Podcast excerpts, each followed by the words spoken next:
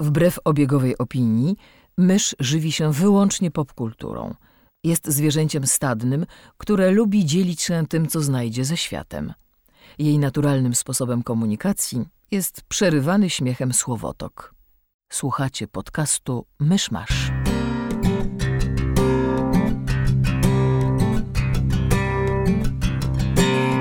Gospodarzami podcastu Myszmasz są Krzysiek Sera, redaktor portalu Avalon. Kamil Borek ze studia Kobart. i Mysz, autorka bloga Mysza Mówi. Drodzy słuchacze, jest poniedziałek, 23 maja 2016 roku, rocznica drugiej defenestracji praskiej. Zapraszam do 134 odcinka podcastu Myszmasz. Defenestracja to jest takie ładne słowo. To jest fantastyczne słowo, ale czy to jest 134 odcinek? Bo ja tak powiedziałem na czuja. Chyba tak. Chyba tak. Może. A może drugi, Nie. 134. Czy a kogo za drugim razem już defenestrowali? E, no, a, nie, a nie znowu Radę Miejską? Nie. Nie, to takie ja, ograne. o Jezu, to tylko teraz musiałabym to wyszukać beznadziejnie, bo nie mam przy sobie telefonu, bo ja ostatnio na Tumblrze trafiłam na jakiś post właśnie pod tytułem, że mamy słowo na... Znaczy, ma, istnieje słowo defenestracja, a nie istnieje jakby słowo na... Po angielsku nie istnieje słowo na dzień... Na, na pojutrze, bo the day after tomorrow. Się okazuje, że istnieje i istnieje zarówno na e, dzień po... Znaczy na pojutrze, jak i na... Po pojutrze. Nie, jak i na... Przed pojutrze. Przy, jak przedwczoraj. Przedwczoraj. Bo po polsku istnieją, a po angielsku ich nie ma. To Przed the pojutrze? the day before yesterday i Przed the day pojutrze after. to jutro. Przed dzidzie za dzidy środkowej. Przed jeszcze pojutrze. Dzidy bojowej, co ja mówię? Dzi- Dzidzia bojowa? O Chryste.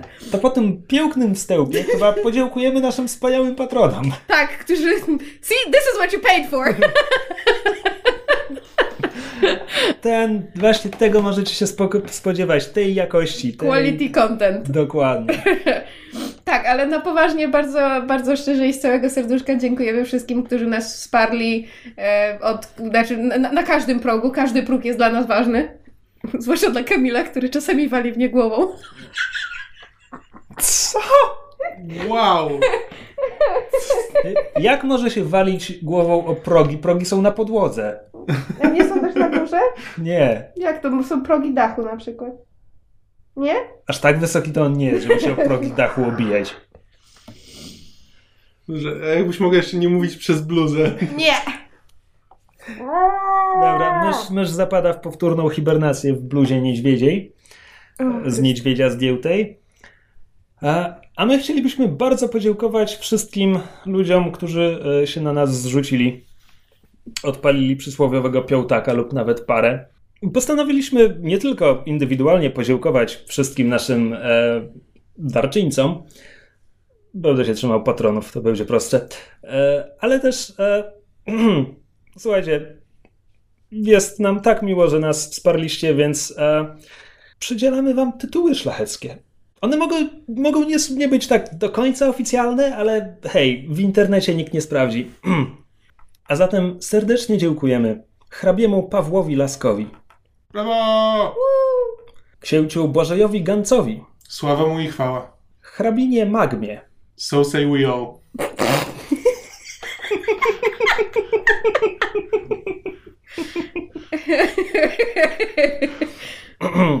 kawalerowi Orderu Złotej Podpaski Foxy Wolfgang,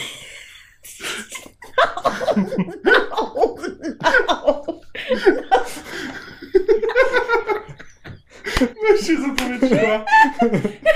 Pukałam trzeci raz w ciągu pięciu minut. Ratunku!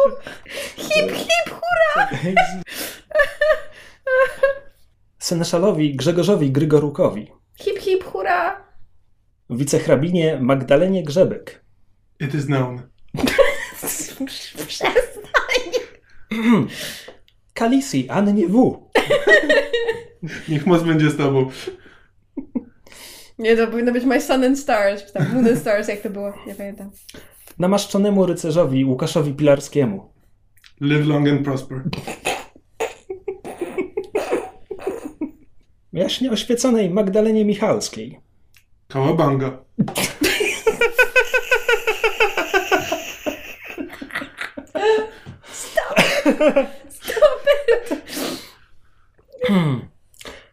błogosławionej Magdalenie Bardalińskiej. Expecto patronum.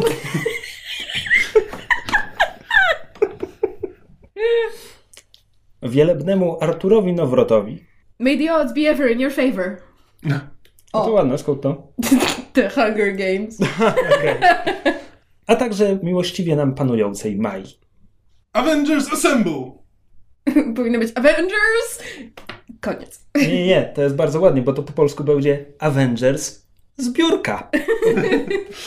Na patrona idealnie.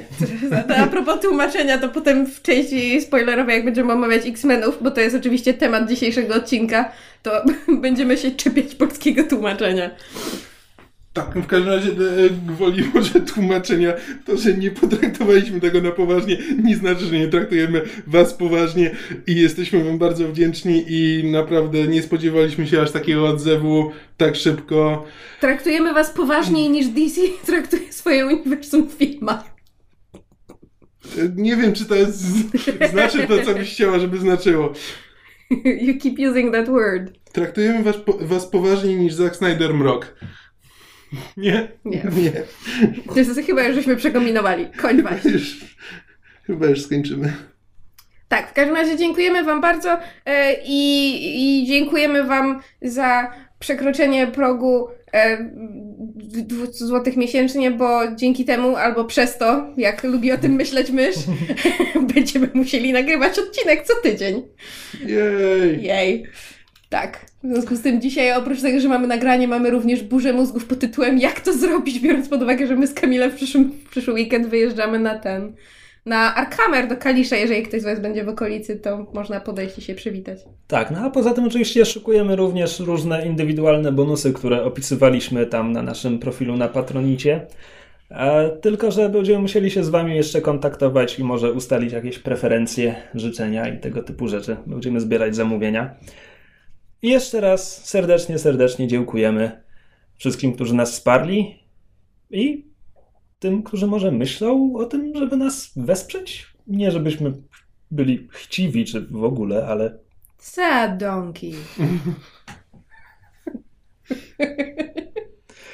Dobrze, to może przejdźmy wreszcie do nowości i innych takich. Happy donkey. E, Ja mi się dwie rzeczy kołaczą po głowie. Jedną jest e, to, że ogłoszono paru aktorów, którzy zagrają w Torze Ragnaroku. A, To jest, jak wiemy, ten skandynawski festiwal muzyczny. Thor Ragnarok. A będzie tam. Wody. A, to, to, a to nie był ten pisarz kryminałów? Suchar. A nie ten twórca gier? Nie, nie, to był e, Ragnar Thornquist. Blisko. Bardzo blisko. E, Będzie tam Kate Blanchett, co albo już i tak było wiadomo, albo było bardzo mocno plotkowane, także ja sądziłem, że to jest już oficjalne. W każdym razie Kate Blanchett zagra Helę, E, Hela to jest Helenę, jak ją lubię nazywać. córka Lokiego. E, Znaczy według mitologii. tak, w komiksach mniej więcej również, w miarę trochę. I będzie tam również Karl Urban, który zagra Scourge'a. Scourge, jeśli dobrze kojarzę, był w komiksach takim asgardzkim mięśniakiem, e, pomagierem różnych złych.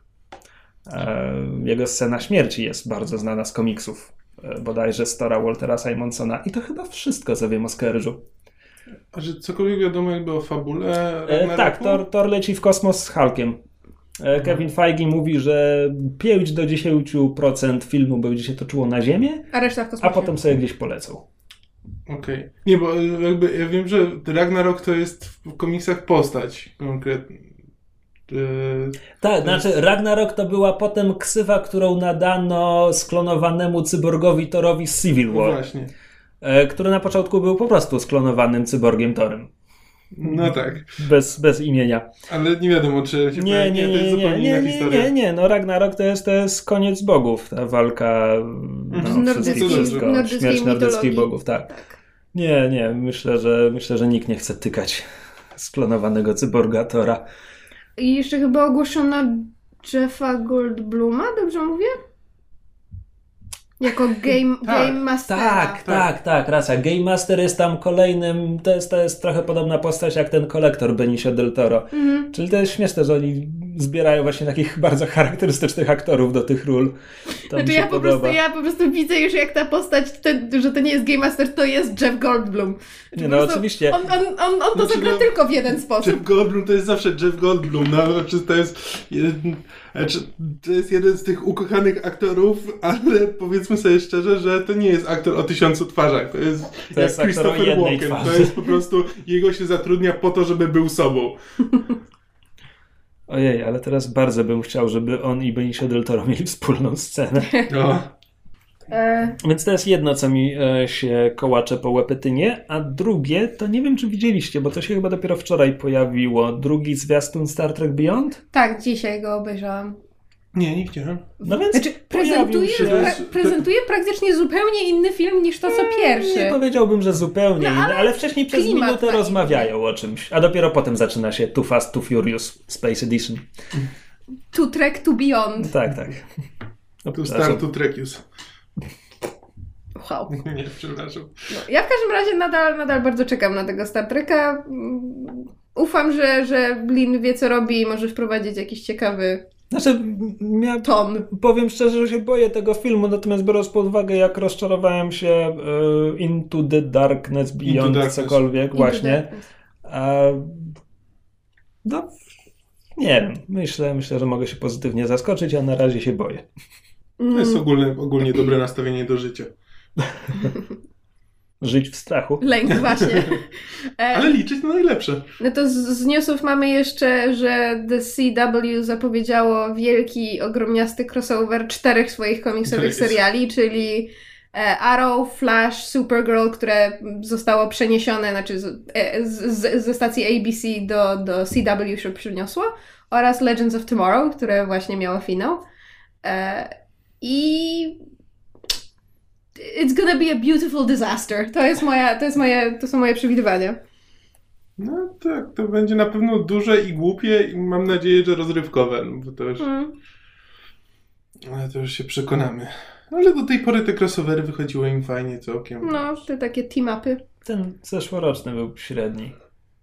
Tam, gdzie wprowadzili Vandala Savage'a i Jaszczębie i w ogóle. Znaczy, No, nie było dobre. ja też się dobrze bawiłam w sumie. No ale i tak najlepszy był Supergirl i Flash. To było najlepsze, co, co do tej pory pokazali. Więcej Supergirl. Więcej newsów nie pamiętam.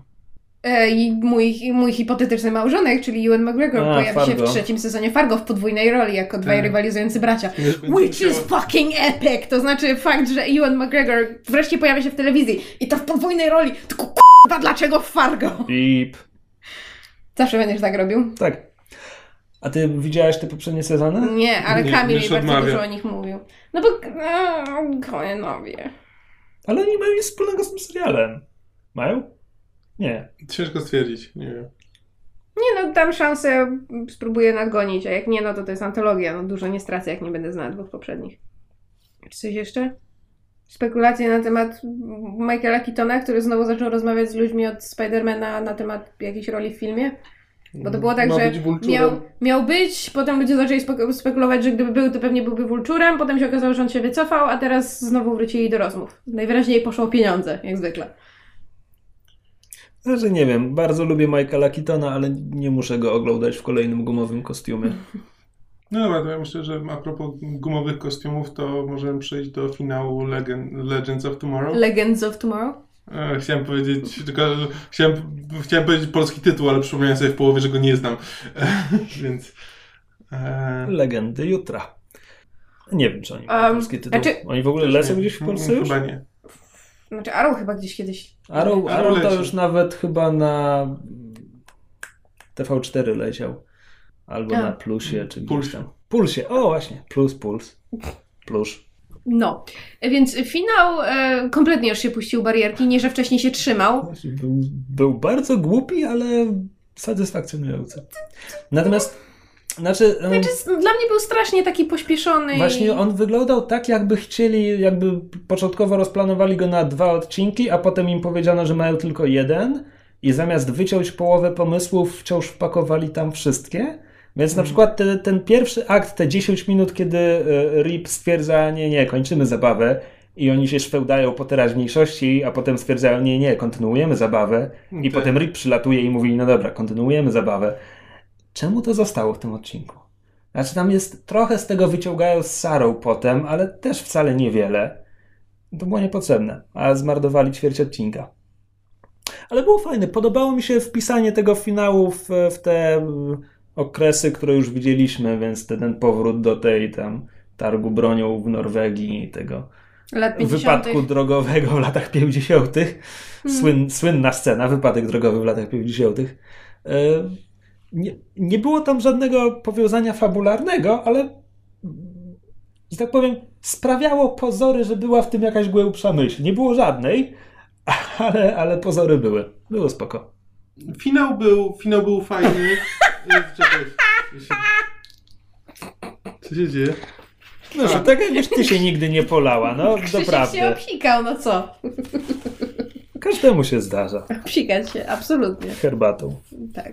Ja tylko dodam, że wydawało mi się, że znam świat DC, ale po ostatniej minucie odcinka od razu rzuciłem się do Wikipedii, bo nie jestem No tak właśnie- mocny w te O to klocki. chciałem cię zapytać właściwie Bo o myśmy co z Kamilem chodzi, bo mieli ja takie- nie miałem czasu się zorientować. No dobra, to nie ma żadnego związku z, z całą resztą odcinka, więc w ten sposób niczego nie zaspoilujemy. No, ale jeśli ktoś jeszcze ktoś nie widział, to w ostatniej minucie debiutuje nowa postać, która oczywiście przylatuje z przyszłości, więc ona już zna wszystkich bohaterów, a bohaterowie patrzą i pytają się, ale kim ty jesteś? I widzowie też patrzą i pytają się, ale kim ty jesteś? Jak to? To jest y, Mike z Suców. E, a jest to, jak on się nazywa, Rex Tyler? Rex Tyler. Rex Tyler, który nie podaje swojej superbohaterskiej ksywy w tym momencie, ale to jest superbohater ksywa Hourman. Więcej o nim za moment. Natomiast wymienia, że jest członkiem Justice Society of America. No i w tym momencie e, fani leją ze szczęścia, tak jak ja herbatą, E, ponieważ Justice Society of America to jest prekursor Justice League Aha. w latach, nie wiem, 40., 50., kiedy, kiedy amerykańscy superbohaterowie DC spotkali się po raz pierwszy, to nie było Justice League, to było właśnie JSA. Mhm. A potem po pierwszym reboocie, czyli w tym w latach 80., Aha, bo potem się okazało, że bohaterowie, którzy działali w Justice Society, są w innej rzeczywistości niż ci, którzy działali w Justice League. Więc to były te same wersje, tylko na dwóch różnych ziemiach. A potem po reboocie, jak przez 15 minut mieli tylko jedną ziemię, to ułożyli to w taką historię, że Justice Society działało wcześniej, a Justice League było jakby kontynuacją idei, ale inny skład i tak dalej. No i niektórzy z tych bohaterów z Justice Society tam dalej krążyli w tle jako, jako staruszkowie doradzający tym młodym. E, No więc tak jak nigdy nie zobaczymy w telewizji Justice League, bo ten DC i Warner Bros. nie lubią, żeby w serialach i filmach było to samo, no to Przynajmniej tyle mają wspólnego z Marvelem. tak. E, No to będzie, będzie Justice Society najwyraźniej. E, Tylko, że w Justice Society jakby kilku, kilku sztandarowych członków to postaci, które już były w tych serialach, no bo Flash na przykład, tylko Mhm. że to był Jay Garrick. Tylko, że Jay Garrick jest tym złolem w tym momencie we Flashu. E, To był Wildcat, który był w Arole jako młody, przystojny trener boksu No tak. po prostu tak odległy od pierwowzoru, jak tylko się dało. Um, i kto tam jeszcze był? No Green Lantern, przy czym nie, nie Hal Jordan, ani nie żaden z ciekawych Green Lanternów, którzy przyszli po Halu Jordanie, tylko ten oryginalny, który nie był, nie był kosmicznym policjantem, tylko miał magiczny pierścień, e, Alan Scott. I tak sobie myślę, że Alana Scotta akurat mogliby wrzucić do tych seriali, tylko pewnie zmieniliby mu ksywę.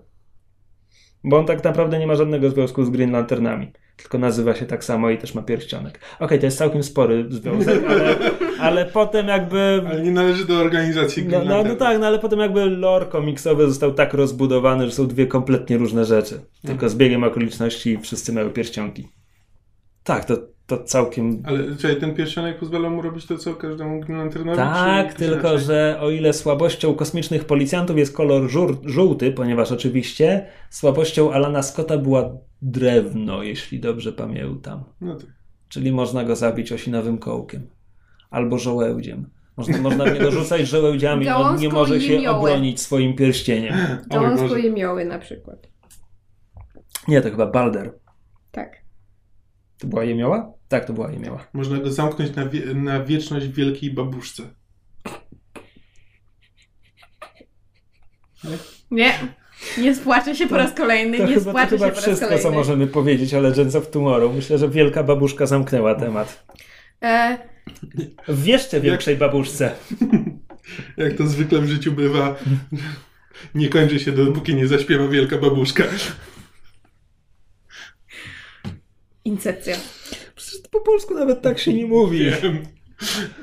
He's trying so hard, it's adorable. E, czy myśmy omawiali... Omawialiśmy.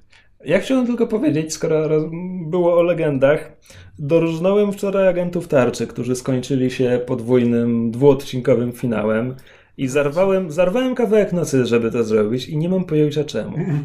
Znaczy, ni- nic mnie w tym finale nie ruszyło. Absolutnie nic. Jest mi to kompletnie obojętne wszystko, co tam się wydarzyło, aczkolwiek na jakieś pół minuty e, Zombie Ward pokazuje swoją prawdziwą twarz Inhumana i wygląda zaskakująco fajnie a potem znowu zamienia się w aktora udającego, że gra Warda, e, bo CGI, znaczy budżet się skończył pewnie. Więc no, no, 30 sekund na dwa odcinki to jest, to jest, to jest highlight tygodnia z agentów Jej. tarczy. E, No i jeszcze jest tam John Hanna, którego mi się fajnie ogląda, bo to John Hanna. Ale ponieważ tam też od Johana. Żeby jeszcze mam do nadgonienia ładnych Bo, parę odcinków. bo on kompletnie Ja- nie ma roli, jakby scenariusz nic mu nie daje, ale to jest John Hanna, więc i tak ogląda się go fajnie. Ja, ja chwilowo jeszcze nie wróciłam do agentów po tej długiej przerwie, którą mieli, czyli ostatnio to, co widziałam, to był właśnie zombie Ward No więc wracający z, z Tatooine. Ja zacząłem ich nadrabiać po tej długiej przerwie tylko dlatego, że brałem udział w tym panelu na Serialkonie. Mhm. No a jak już nadrobiłem ich przed Serialkonem, no to do końca sezonu, sezonu zostały te cztery odcinki, no to Szkoda nie wykończyć. nie, nie. Nie szkoda? Wcale by mi nie było szkoda, gdybym nie wykończył. Hmm. Ale to tyle o agentach, bo naprawdę mi się nie chce dłużej. E, to zanim przejdziemy do czołowej premiery tygodnia, czyli Xymen Apokalipsa. Wow. Shut up. Little Apocalypse. E, to myśmy z Kamilem jeszcze byli przedpremierowo na em, seansie Nice Guys Równi Goście, czy The Nice Guys, jak brzmi angielski tytuł, because reasons. E, co prawda w momencie, jak, to, jak tego słuchacie, to film już, już jest na naszych ekranach, więc można się wybrać. Myśmy poszli trochę wcześniej. I było sympatycznie, ale Mi się bardzo podobało. Mysz jest taka... E, letnia. Letnia. Tak. Właśnie myślałem, że ty bardzo lubisz taki Kiss Blank Blank i w ogóle. Znaczy właśnie ja Kiss Kiss Bang Bang, tak jak zaczęłam na tym myśleć, widziałam raz albo półtora razy.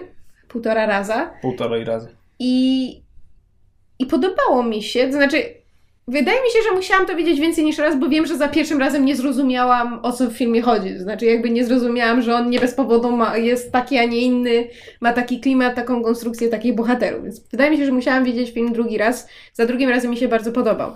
Natomiast nie zrobiłam sobie powtórki z Kiss Kiss Bang Bang przed pójściem do kina na The Nice Guys. Może to był błąd, może bym się z powrotem wprowadziła w ten klimat i to poczucie humoru, ale jakoś The Nice Guys do mnie nie trafiło. Nie wiem, czy spodziewałam się więcej, czy... Nie wiem, po prostu dla mnie film jest...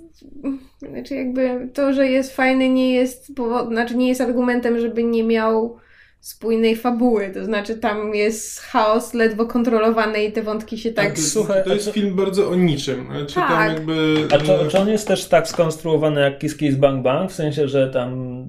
Nie ma voiceovera, nie ma jakby głównego Okej. bohatera z voiceoverem, tylko są po prostu... E, jak jakby- nie? No zarówno Ryan Gosling, jak i Russell Crowe w trakcie filmu robią voiceover. Kilkukrotnie.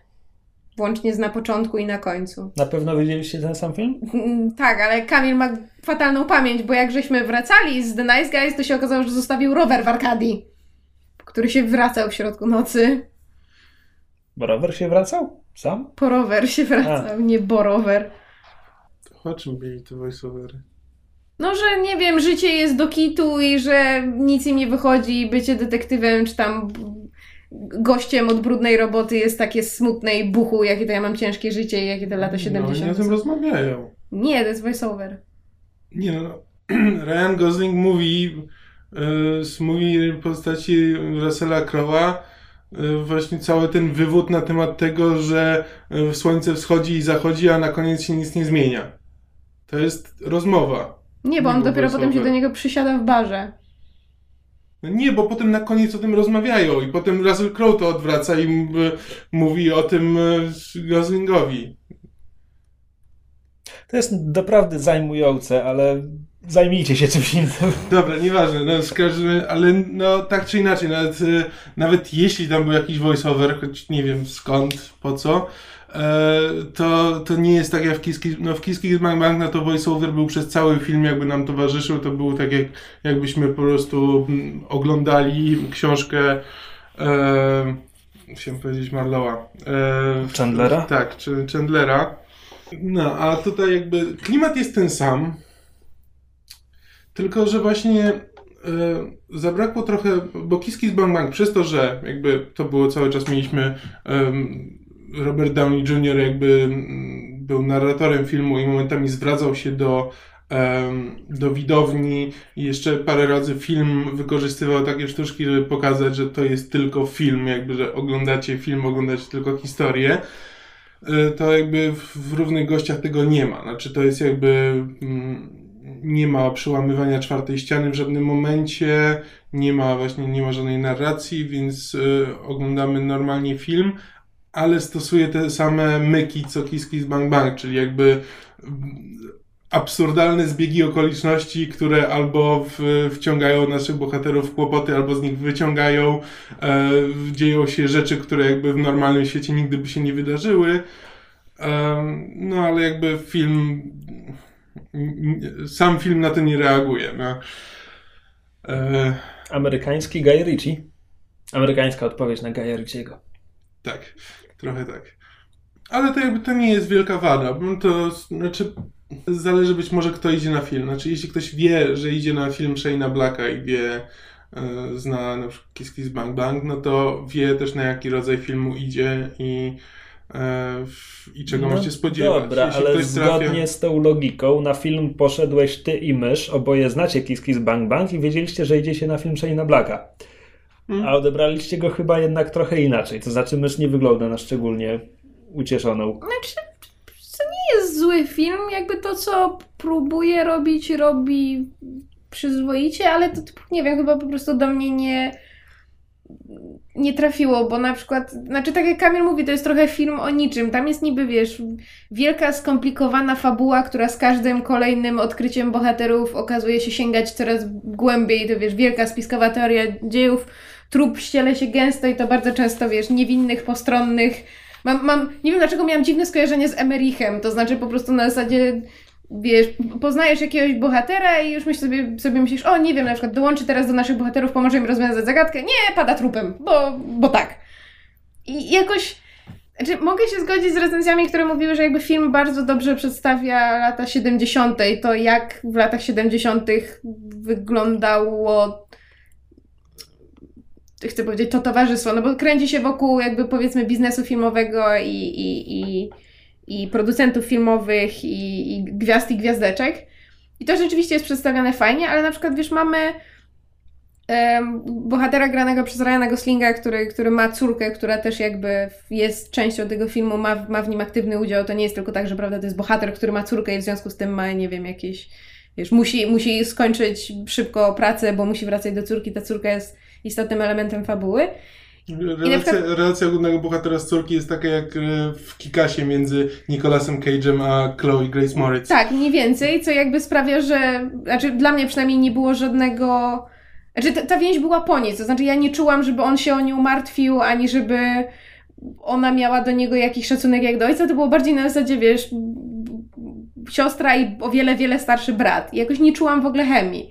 Chemia między Goslingiem a Crowem jest niezaprzeczalnie i oni się, mam wrażenie, fantastycznie bawią. To znaczy, z tego co widziałam z nimi wywiady, to, to Russell Crowe przez większość filmu ledwo był w stanie zachować poważną minę, bo z jakiegoś powodu po prostu timing komediowy Goslinga bardzo na niego działa i jestem skłonna jakby tutaj przyznać Crowe'owi rację, bo Gosling się fantastycznie odnajduje w takiej komediowej roli. Znaczy, im bardziej przesadza, tym lepiej mu to wychodzi. Ale wiesz, mamy tę relację ojca z córką i na przykład film zdaje się podkreślać to, że postać Goslinga za dużo pije. To znaczy, jakby on praktycznie większość czasu spędza, większość filmu spędza albo wstawiony, albo pijany. Z kolei postać Russella Crowe mam wrażenie, że stroni od picia, ale wiesz, nigdzie nie jest powiedziane, co w związku z tym, czy on, czy on jest alkoholikiem byłym, czy z jakiegoś konkretnego powodu. Nie mamy ewidentnie powiedziane, jest czy- co? Ewidentnie jest byłem alkoholikiem. No tak, tylko że na koniec pije whisky, jakby No that tak, no means nothing. Znaczy to jest... Nie, no właśnie. No nie, to jest właśnie koniec, on na koniec pije, bo, bo się zorientował, że wszystko, wszystko nie ma znaczenia. Znaczy, że całe jego staranie się o to, żeby być trochę lepszym człowiekiem, jakby spełzło na niczym, więc wrócił do picia. Jakby bohaterowie kończą film w gorszym miejscu niż go zaczynali. Mm, Spoiler. no właśnie, Nie, nie wiem, spoiler, charakter, spoiler charakterologiczny. Nie, ale no. Nie wiem, może, może, może niesłusznie, ale. Znaczy jakby ja rozumiem argument, że to jest film o latach 70. i w latach 70. jakby ludzie podchodzili do, nie wiem, kwestii nie, nie wychowywania dzieci, czy właśnie obchodzenia się z alkoholem przez No, czy- rodziców bo- przy dzieciach, czy z jakimś innym luźniejszym podejściem, ale po prostu no że nie, znaczy, nawet- film robi z tego straszną, straszną jakąś aferę, to znaczy wyraźnie jest podkreślane też poprzez to, jak ta aktorka grająca jego córkę, jak ona reaguje na jego pijaństwo i nic w związku z tym nie robi. To znaczy, to jest film, który nijak tego nie piętnuje w żaden wyraźny sposób. Brakuje ci morału? Brakuje mi jakiegokolwiek sensu w tym, że, że to jest tak istotny element fabuły, bo jakby w związku z tym, że bohater Goslinga dużo pije, no to wplątuje się, prawda, w coraz bardziej kuriozalne sytuacje. Co też popycha fabułę do przodu, ale jest pretekstem tak naprawdę. tak, córka jest tylko po to, żeby tam spojrzeć jakby oczami dziecka na to, co wyrabiają e, główni bohaterowie, ale jakby nie spełnia tam żadnej roli tej większej fabule. Znaczy, bo- nie powiedzieliśmy nawet o czym tak naprawdę jest film, bo film... To nieistotne, bo to E, jest... No tak, bo w- Ryan Gosling gra byłego policjanta, który jakby stoczył się na dno i teraz dorabia jako prywatny detektyw, głównie oszukując ludzi na tym, że coś tam dla nich zrobi, ale tylko marnuje czas, bierze ich pieniądze i potem i tak nic z tego nie wychodzi. A Russell Crowe gra faceta, który bije ludzi za pieniądze. Jeśli ktoś potrzebuje, że na przykład, nie wiem, jego córka się zadaje z jakimś złym kolesiem, to płaci Russellowi Crowe'owi, on idzie i go bije. U Gaja grałby go Vinnie Jones. Tak, dokładnie. No i w, w międzyczasie zostaje zabita gwiazda porno i od tego się zaczyna cała wielka intryga. Okazuje się, że wokół jednego filmu porno wszyscy ludzie, którzy byli w niego zaangażowani zaczynają ginąć e, i bohaterowie próbują znaleźć jedną dziewczynę, która przeżyła i w tym momencie ucieka przed, e, przed kolejnymi zabójcami. No i t- znowu wracając do Kiss Kiss Bang Bang, no to jakby główni bohaterowie to jest, y, są bardzo podobni do głównych bohaterów Kiss Kiss Bang Bang, ale podlani znacznie, znacznie większą dawką cynizmu. Znaczy e, Robert Downey Jr. i Ryan Gosling, no to właśnie to, to są podobne postaci, tylko że Robert, Robert Downey Jr. był znudzonym życiem człowiekiem, który jakby tyle się naczytał kryminału, że kiedy zostaje wplątany w tą intrygę, e, to ba bardzo chętnie sam w nią wchodzi, jakby zagłębia się w nią dalej. Natomiast Gosling też jest znudzony życiem, ale jakby ponieważ cały czas jest mm, tym prywatnym detektywem, to jakby ta intryga wcale go nie intryguje i taki jest trochę blaze przez cały czas. E, Natomiast Russell Crowe to też jest, to jest ta postać, którą grał Val Kilmer i to zresztą fizycznie też, bo e, Shane Black zatrudnił do Kiss Kiss Bang Bang grubego Vala Kilmera. To już był właśnie ten moment, kiedy już Val Kilmer nie był tym, nie był świętym, tylko em, Uff, już nie był nawet Batmanem. tak, już nie był Batmanem. No i tutaj Russell Crowe też jest cały czas z brzuszkiem taki strasznie, taki bardzo tatusiowaty. No tylko, że Val Kilmer tam też był, że tam był prywatnym detektywem, który już widział wszystko, nic mu nie jest straszne, em, ale, ale robi, to, co, robi to, co robi jakby z pewną dawką miłości, jakby z zaangażowaniem. Natomiast Russell Crowe e, też jest znudzony życiem, e, ale no próbuje się, próbuje się jakby odkupić, próbuje być trochę lepszym człowiekiem. Ale to wszystko takie jest, że są kalki tych postaci, tylko po prostu bardziej cyniczne, i gorzej nastawione do życia. E, Ale to jakby nie zmienia, nie zmienia faktu, że na ekranie ogląda się ich świetnie, czy kreacje aktorskie są super, chemia między aktorami jest e, świetna, dialogi mi się bardzo podobały, mysz jest tak na 5 na 10. E, Ja się bawiłem bardzo dobrze i jakby śmiałem się cały czas. Mysz 5 na 10? Nie wiem, znaczy tak teraz się zastanawiam znaczy, nad tym komentarzem. głupie, ale... Nad tym komentarzem Kamila, że śmiał się cały czas, bo śmiałeś się rzadziej niż ja, a ja się śmiałam ledwo. Ojej, ale może uśmiechał się pod nosem. Śmiał się wewnętrznie, mówisz po cichu. He's smiling on the inside. tak, dokładnie. Czy my byliśmy na pewno na tej samej sali? Czy... Właśnie ja cały czas mam wątpliwości. Nie dość, że oglądaliśmy inny film, to jeszcze jakby... No nie wiem, z kim poszedłeś do kina, jak nie ze mną? Ja się naprawdę bardzo dobrze bawiłem i bardzo mnie ten film śmieszył jakby przez cały czas. Eee, I nawet nie męczył. Więc no ja bardzo, ja bardzo polecam. To jest takie Kiss Kiss Bang Bang 2. Jak ktoś, jak ktoś już ma ten film... Jeśli ktoś nie oglądał Kiss Kiss Bang Bang, to lepiej niech, niech obejrzy ten film. Ale jak już ktoś go oglądał albo obejrzał go już kilka razy, to w, i, mu się bardzo, i mu się bardzo podobało, to to niech pójdzie na równych gości, bo to jest praktycznie to samo, ten sam klimat, ten sam, to samo poczucie humoru, ale inaczej. Czy jeszcze chcesz coś powiedzieć o równych gościach? Bo tak wbiłaś spojrzenie w mikrofon łapczywie, pożerasz go wzrokiem, ten dyktafon. Nie wiem, zapełniam ciszę radiową, nie może być ciszy w eterze. Trzeba mówić. Ciszę Kamil wytnie. Nie, jakoś po prostu dla mnie ten film jest po nic i o niczym i bohaterowie nie wzbudzają sympatii i jest do obejrzenia na raz i do zapomnienia i śmiesznych momentów, takich naprawdę śmiesznych tam jest, nie wiem, z siedem może. No dobra, ale co, żałujesz, że poszłaś do kina? Nie, bo to nie, mówię, to nie jest zły film, tylko po prostu, nie wiem, do mnie nie trafił. Wolałabyś obejrzeć lepszy w tym samym czasie? Na przykład, nie wiem, po raz trzeci Kapitana Amerykę. Nie śmieję się, tylko po prostu nie wiem, czy ja miałam inne nastawienie, inne oczekiwania, czy po prostu nie trafiło w dobry moment, w dobry humor, czy coś takiego, ale no. Nie wiem, czy mogę z czystym sercem polecić. To znaczy, byłabym ciekawa opinii innych osób, które też znają Kiss Kiss Bang Bang i widziały go na przykład niedawno i są w stanie bardziej porównać oba filmy. Bo jednak uważam, że Nice Guys jest gorsze i to tak sporo gorszy od Kiss Kiss Bang Bang.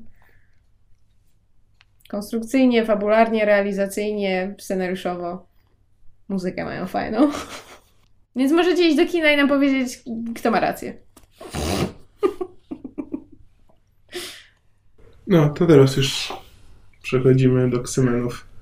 Jak zwykle będzie najpierw bezspoilerowo, a potem odgrodzimy i postawimy spoilery za potem. No dobrze, ja zdążyłem napisać recenzję, która zdążyła się nawet ukazać na Avalonie wyjątkowo szybko. I w tej recenzji napisałem, że to jest zły film, na którym się bardzo dobrze bawiłem. Mhm. Tak. I że, i, że, wrażenie. I że jest bliższy mojej wizji tego, czym powinni być X-Men niż, niż każdy inny film. Wciąż First Class, na First Class bawiłem się lepiej, ale, ale tutaj wyszedłem z kina i miałem poczucie, że tak, to był film o drużynie X-Men, którzy coś robią i w ogóle, a, a jeszcze nigdy nie miałem tego poczucia wychodząc z filmu po X-Menach kinowych. Tak, bo to, jakby kinowi X-Men do tej pory zazwyczaj były filmy jakby o pojedynczych postaciach, które jakby kolektywnie nazywają się X-Meni. Ale to nie były filmy o drużynie. Tak, tylko oni się nawet tak nie nazywali, w sensie No tak. No wiesz, w X-Menach unikali. To jest śmieszne, bo nie, nie unikali ksyw postaci, natomiast unikali nazwy X-Men. Ale, no bo kiedy mówię, że, że to jest zły film, to to on jest naprawdę zły. To znaczy, tam są sceny, na które ja patrzyłem i zastanawiałem się, Why? co Singer sobie myślał. To znaczy, w jakiej wersji tego filmu ta scena miała sens i, i nie mogłem do tego dojść. Problem w tym, że większość z tego, co chciałbym powiedzieć, dotyczy, dotyczy jakby punktów zwrotnych fabuły, więc to No, to- będzie w To, to, części to, może, spoilerowej. to, to może ja przejmę ster na moment, bo jakby ja mam wrażenie, że gdybyśmy mieli wyliczyć wszystko, co było w filmie źle, to byśmy wyliczyli 95%. Znaczy, może przesadzam, ale jakby po prostu jest bardzo wiele, do czego się można nawet nie tyle przyczepić, ile wytknąć, że jest zrobione źle. I jakby dla mnie najprostszym, takim i najbardziej ogólnym, niespoilerowym podsumowaniem tego jest, że sceny, które powinny nieść jakąś, jakąś, jakąś wagę emocjonalną, nie mają czasu wybrzmieć, a za to sceny, które są fajne, są bardzo często o, o parę sekund czy nawet minut za długo na ekranie, Oj tak. przez co jest takie, u, ale to jest super, ale to jest super, no dobra, ale skończy już, bo wystarczy. No tak, to co jest fajne nuży, to co, znaczy to co powinno być fajne nuży, to co powinno być dramatyczne bawi. Niezamierzenie, Niezamierzenie, niezamierzenie tak. ale och jak bawi, och jaki to jest zabawny film wtedy, kiedy naprawdę nie powinien być zabawny.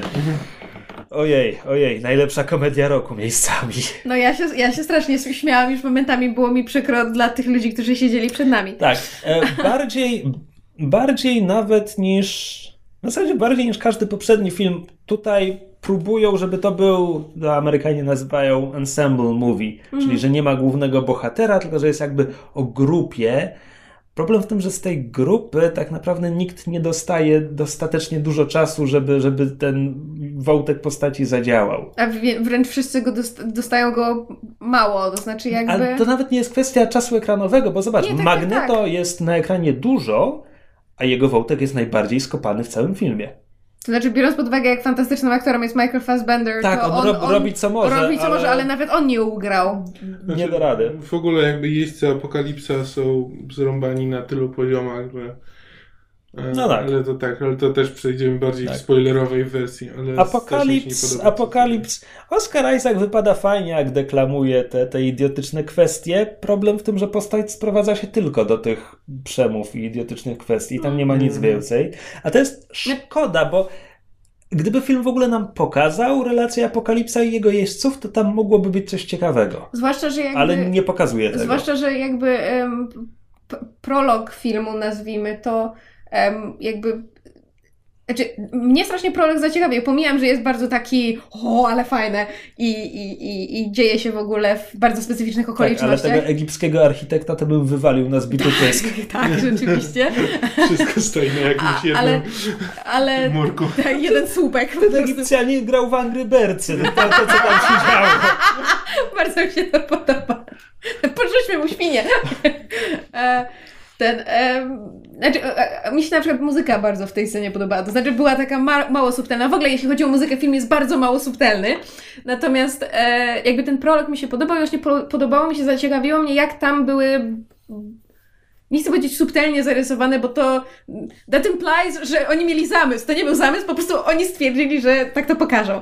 E, były w jakiś sposób zarysowane relacje Apokalipsa z jego jeźdźcami co jakby teoretycznie chyba miało być paralelą do późniejszych Tak, to jest relacji. właśnie śmieszne, że paradoksalnie więcej wiem o Związku Apokalipsa z tymi staroegipskimi jeźdźcami, którzy są przez 3 minuty na ekranie, niż z tą czwórką, która jest cały film na ekranie. No właśnie, i to tak, i zwłaszcza, że jakby też kontekst tych ich relacji powinien być w kontekście fabuły filmu istotny, nie jest. Nie jest i powinien być jak, z jakimś ładunkiem emocjonalnym. Nie, nie jest. jest. Bo jakby, znaczy Apokalips, jakby abstrahując od tego, że wygląda, prawda, jak jakby de, Gerarda Depardieu pomalować błękitną farbą. Dajcie mu spokój, wyglądał w porządku. Nie, znaczy, wiesz, wyglądał w porządku w konwencji. Ja nawet, nawet autentycznie to kupiłam, chociaż zastanawiałam mnie, dlaczego w jego makijażu część od brwi w górę się błyszczała, a reszta była matowa. To znaczy jakby nie widzę... Może się poci. Pod względem... Nie, pod względem... Czoło mu się poci. Cicho, pod względem charakteryzacji jakby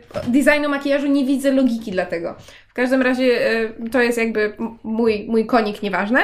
E, I jakby Oscar Isaac jest dobrym aktorem i jak deklamował to było spoko, natomiast to jest tak perfekcyjnie papierowy zły, bo to nawet nie chodzi o to, że on jest, że to jest zły zły, tak jak w Marvelach, prawda, mówimy, bardzo często się mówi, że Marvel nie ma dobrych postaci złych, w sensie dobrze przemyślanych, zagranych i tak dalej. Poza tam Lokim, wiadomo.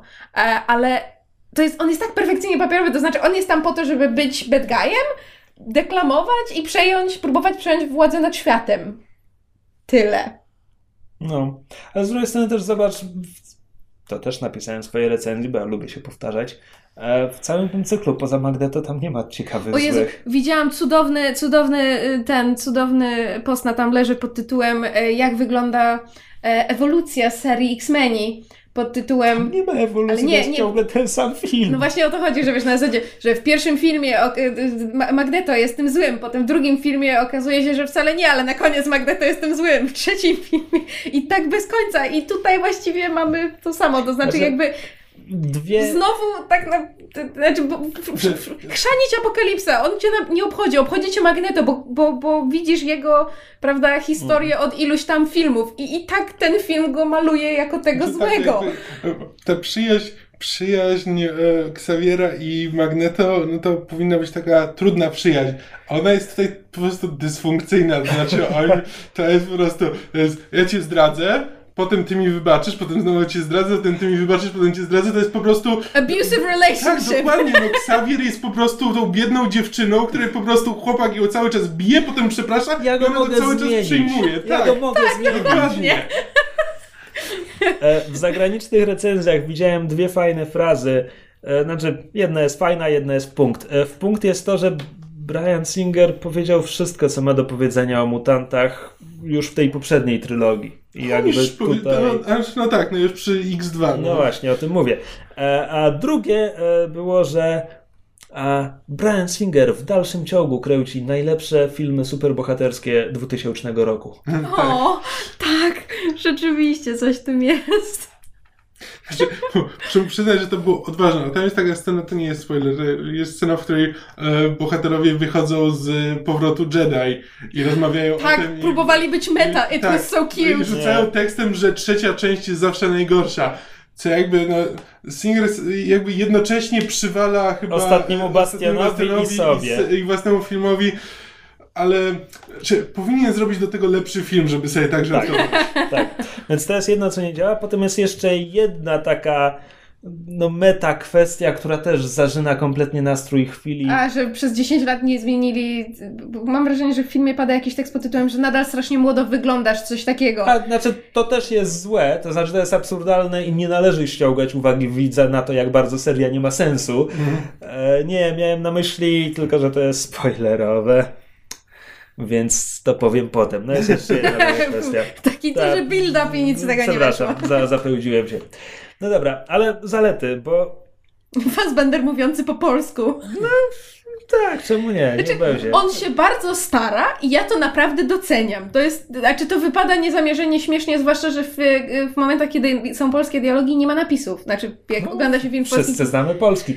Problem w tym, że czasami nie mogłem ich zrozumieć. czasami nie znają polskiego i, i naprawdę chciałabym, żeby były podpisy. Poza tym zaczęłam się tak autentycznie zastanawiać, że no, jakby, ponieważ mam parę znajomych blogerek, które są osobami niedosłyszącymi albo głuchymi i one jakby chodzą na filmy z, z napisami, no bo wtedy, prawda, mogą zrozumieć, co się dzieje, no bo jednak dosłyszeć dubbing, czy nawet lektora w telewizji jest trudno.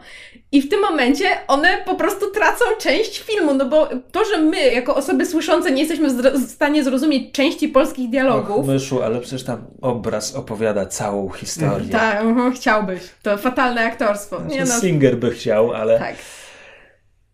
Ale ja chciałem coś pozytywnego powiedzieć. No ja powiedziałam, bardzo pozytywne. No Fassbender się bardzo stara i jest to szalenie uroczy i wbrew pozorom całkiem dobrze mu idzie. To znaczy mam wrażenie, że za drugim razem to, już nie będzie tak niezamierzenie zabawne. Mm. Znaczy, to jest, to jest e, modne w tym roku, bo poza Deadpoolem pozostałe trzy filmy, czyli Civil War, Batman v Superman i tutaj one wszystkie sprawiają wrażenie zlepionych z kilku różnych filmów, które są wciśnięte w jeden.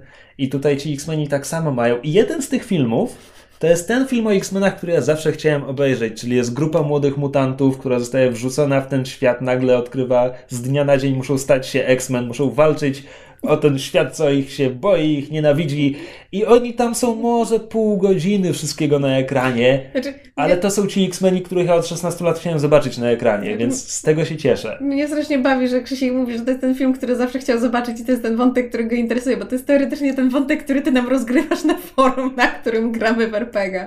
To jest mniej Nie, więcej nie ta jest. sama historia. No Nie, tak, no, nie to jest, jest. grupa młodych ludzi, którzy, wiesz, walczą, wrzucani w sam środek No bo- akcji. No bo to są X-Meni. No ja To jest wiem. coś, czego Brian Singer nie rozumie, ale to są X-Meni. Znaczy, ja, znaczy, wydaje mi się, że będzie nie. Mm, nie mogę uniknąć porównań do Batmana i Supermana.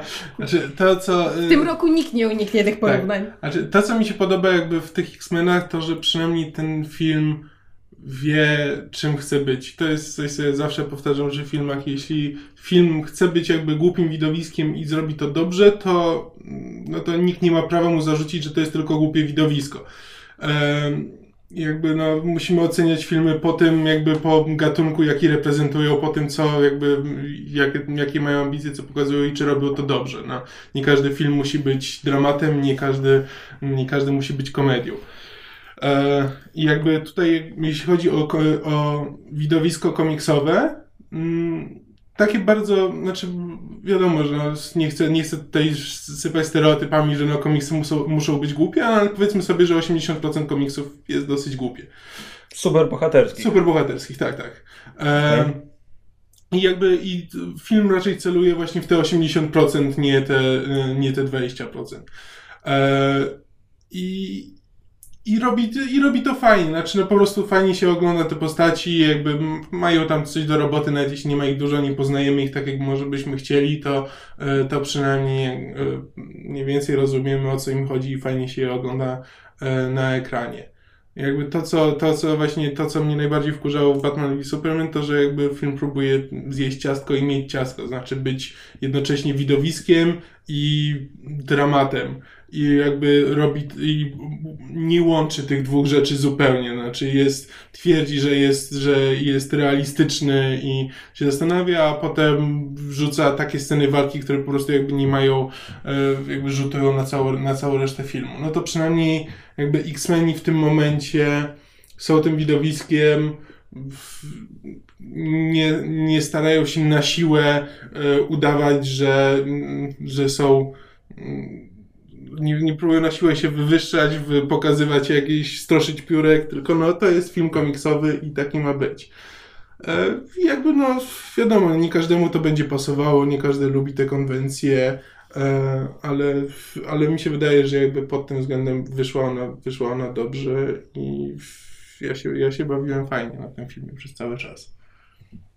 Znaczy, if it, if it makes any sense, ja się bawiłam na X-Menach lepiej niż się bawiłam na Captain America Civil War. Nie twierdzę, że ten film jest, że X-Meni są lepsi, tylko jakby poziom frajdy, takiej czystej, czasem niezamierzonej radości, znaczy niezamierzonej z punktu widzenia twórców, ale takiej autentycznej frajdy pod tytułem ojej, jakie to jest fajne, ojej, jakie to jest głupie, ale ja się tak dobrze bawię. Znaczy, ja dawno tak, tak, tak żywiołowo nie komentowałam i nie klaskałam na filmie Kamil, miałam wrażenie, że pod koniec już miał ochotę mnie zamordować, co jest ciekawe, bo nawet Kamil jest bardzo cierpliwą osobą, więc rzeczywiście musiałam ostro przesadzać, jeśli chodzi o żywiołowość reakcji. Jeszcze nie, po prostu e, te, te, jakby nie przeszkadzało mi to tylko, ponieważ było dosyć mało osób na sali i sala w ogóle nie reagowała na film, te jakby piski myszy z tyłu tak. jakby bardzo się wybijały na tym tle. Znaczy, no, no mówię, ja po prostu w pewnym momencie zdałam sobie sprawę z tego, że ja się śmieję na tyle jakby często i głośno i bardzo często zanim się nawet zdarzy ten moment, który powinien być śmieszny, to jakby zdam sobie sprawę z tego, że może przeszkadzam ludziom na sali, bo jakby, znaczy po prostu byli tak totalnie zblazowani. Ale czekaj, bo mówicie, że na waszym seansie było mało osób na sali? Tak. I o której to było? To była godzina 230. 230, to przecież to jest... To 3D, może dlatego. obłożenie. Może, może 3D straszyło ludzi. Ja byłem o 16 w promenadzie i sala też była pusta. I niby 16, jasne, ludzie jeszcze w pracy, ale wszystkie dzieciaki wyszły ze szkoły i w ogóle. Plus, w ogóle, ponieważ ja nie pracowałem w piątek, myślałem, że tradycyjnie pójdę sobie na jakiś seans przed południem e, i nie mogłem go znaleźć. Film jest w 11 kinach w Warszawie. To brzmi jakby to było dużo, ale nie jest. Hmm. Jak, jak na to, jaki to jest typ produkcji, to ja byłem hmm. zdziwiony, że nie mogę znaleźć seansu dla siebie. A swoją drogą, skoro Z drugiej mówimy... strony jest dostępny w czterech wersjach za jakieś grzechy, bo jest 2D, 3D, napisy dubbing. Czy to jest pierwszy, czy to są pierwsi X-Meni z dubbingiem?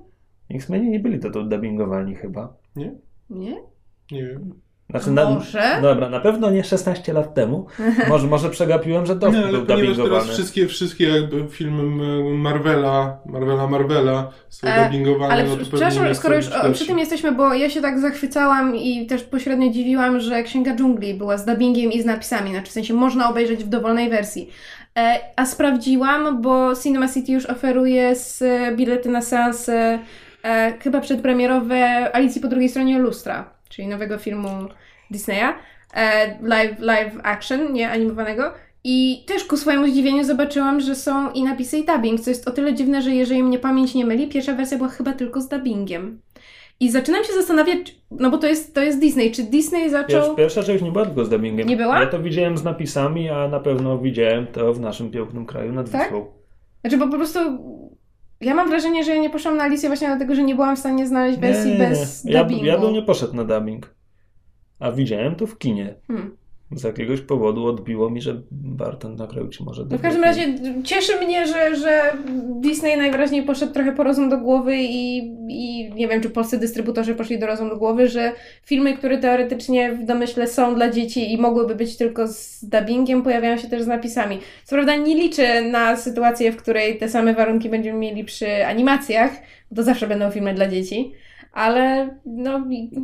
Jest jakiś postęp, no, jest jakiś wybór. A swoją drogą, skoro mówimy o tym, jak oglądaliśmy film, muszę powiedzieć, że to 3D w X-Menach bardzo mało mi przeszkadzało. To znaczy, Mhm. jakby pod względem, em, nie wiem, jakiś, wiesz, zbyt ciemnego obrazu, rozjeżdżającego Tak, się. nawet, nawet, podczas sceny akcji- no, znaczy- właśnie nie miałem nawet tego, to, to mnie zawsze najbardziej boli na 3D, że po prostu sceny akcji, jak, jak się tylko coś szybciej zaczyna ruszać na ekranie, to mi się rozmywa Mhm. obraz. I, I wiesz, i też nie było takich nachalnych było scen, tego. które były wyraźnie pod 3D, typu, nie wiem, coś leci w stronę twojej twarzy, czy nie liczę wybucha. czołówki. Nie, bo lu... Ale czołówka, czołówka ma swój w ogóle osobny urok, znaczy jej urok jest osobny od 3D i fajnie się ją oglądało, ale po prostu nie miałam czegoś takiego, że, że wiesz, było na zasadzie, o, to jest specjalnie pod 3D, tylko po to, Tak, żeby to teraz, usprawiedliwić. już teraz raczej nie już jest, się tak, tak nie się tak nie robi, żeby ktoś rzucał czymś w ekran, czy coś takiego. Ale jest- jedna rzecz, którą zauważyłam, tylko nie wiem, czy to była kwestia tego, że jakoś miałam źle, znaczy doregulowane okulary, bo ja czasami muszę je przegrzywić, żeby wyraźnie widzieć, ale w, na przykład w scenach akcji mi się nic nie rozjeżdżało i nie miałam, nie miałam, nie byłam zgubiona, że tak powiem, zagubiona.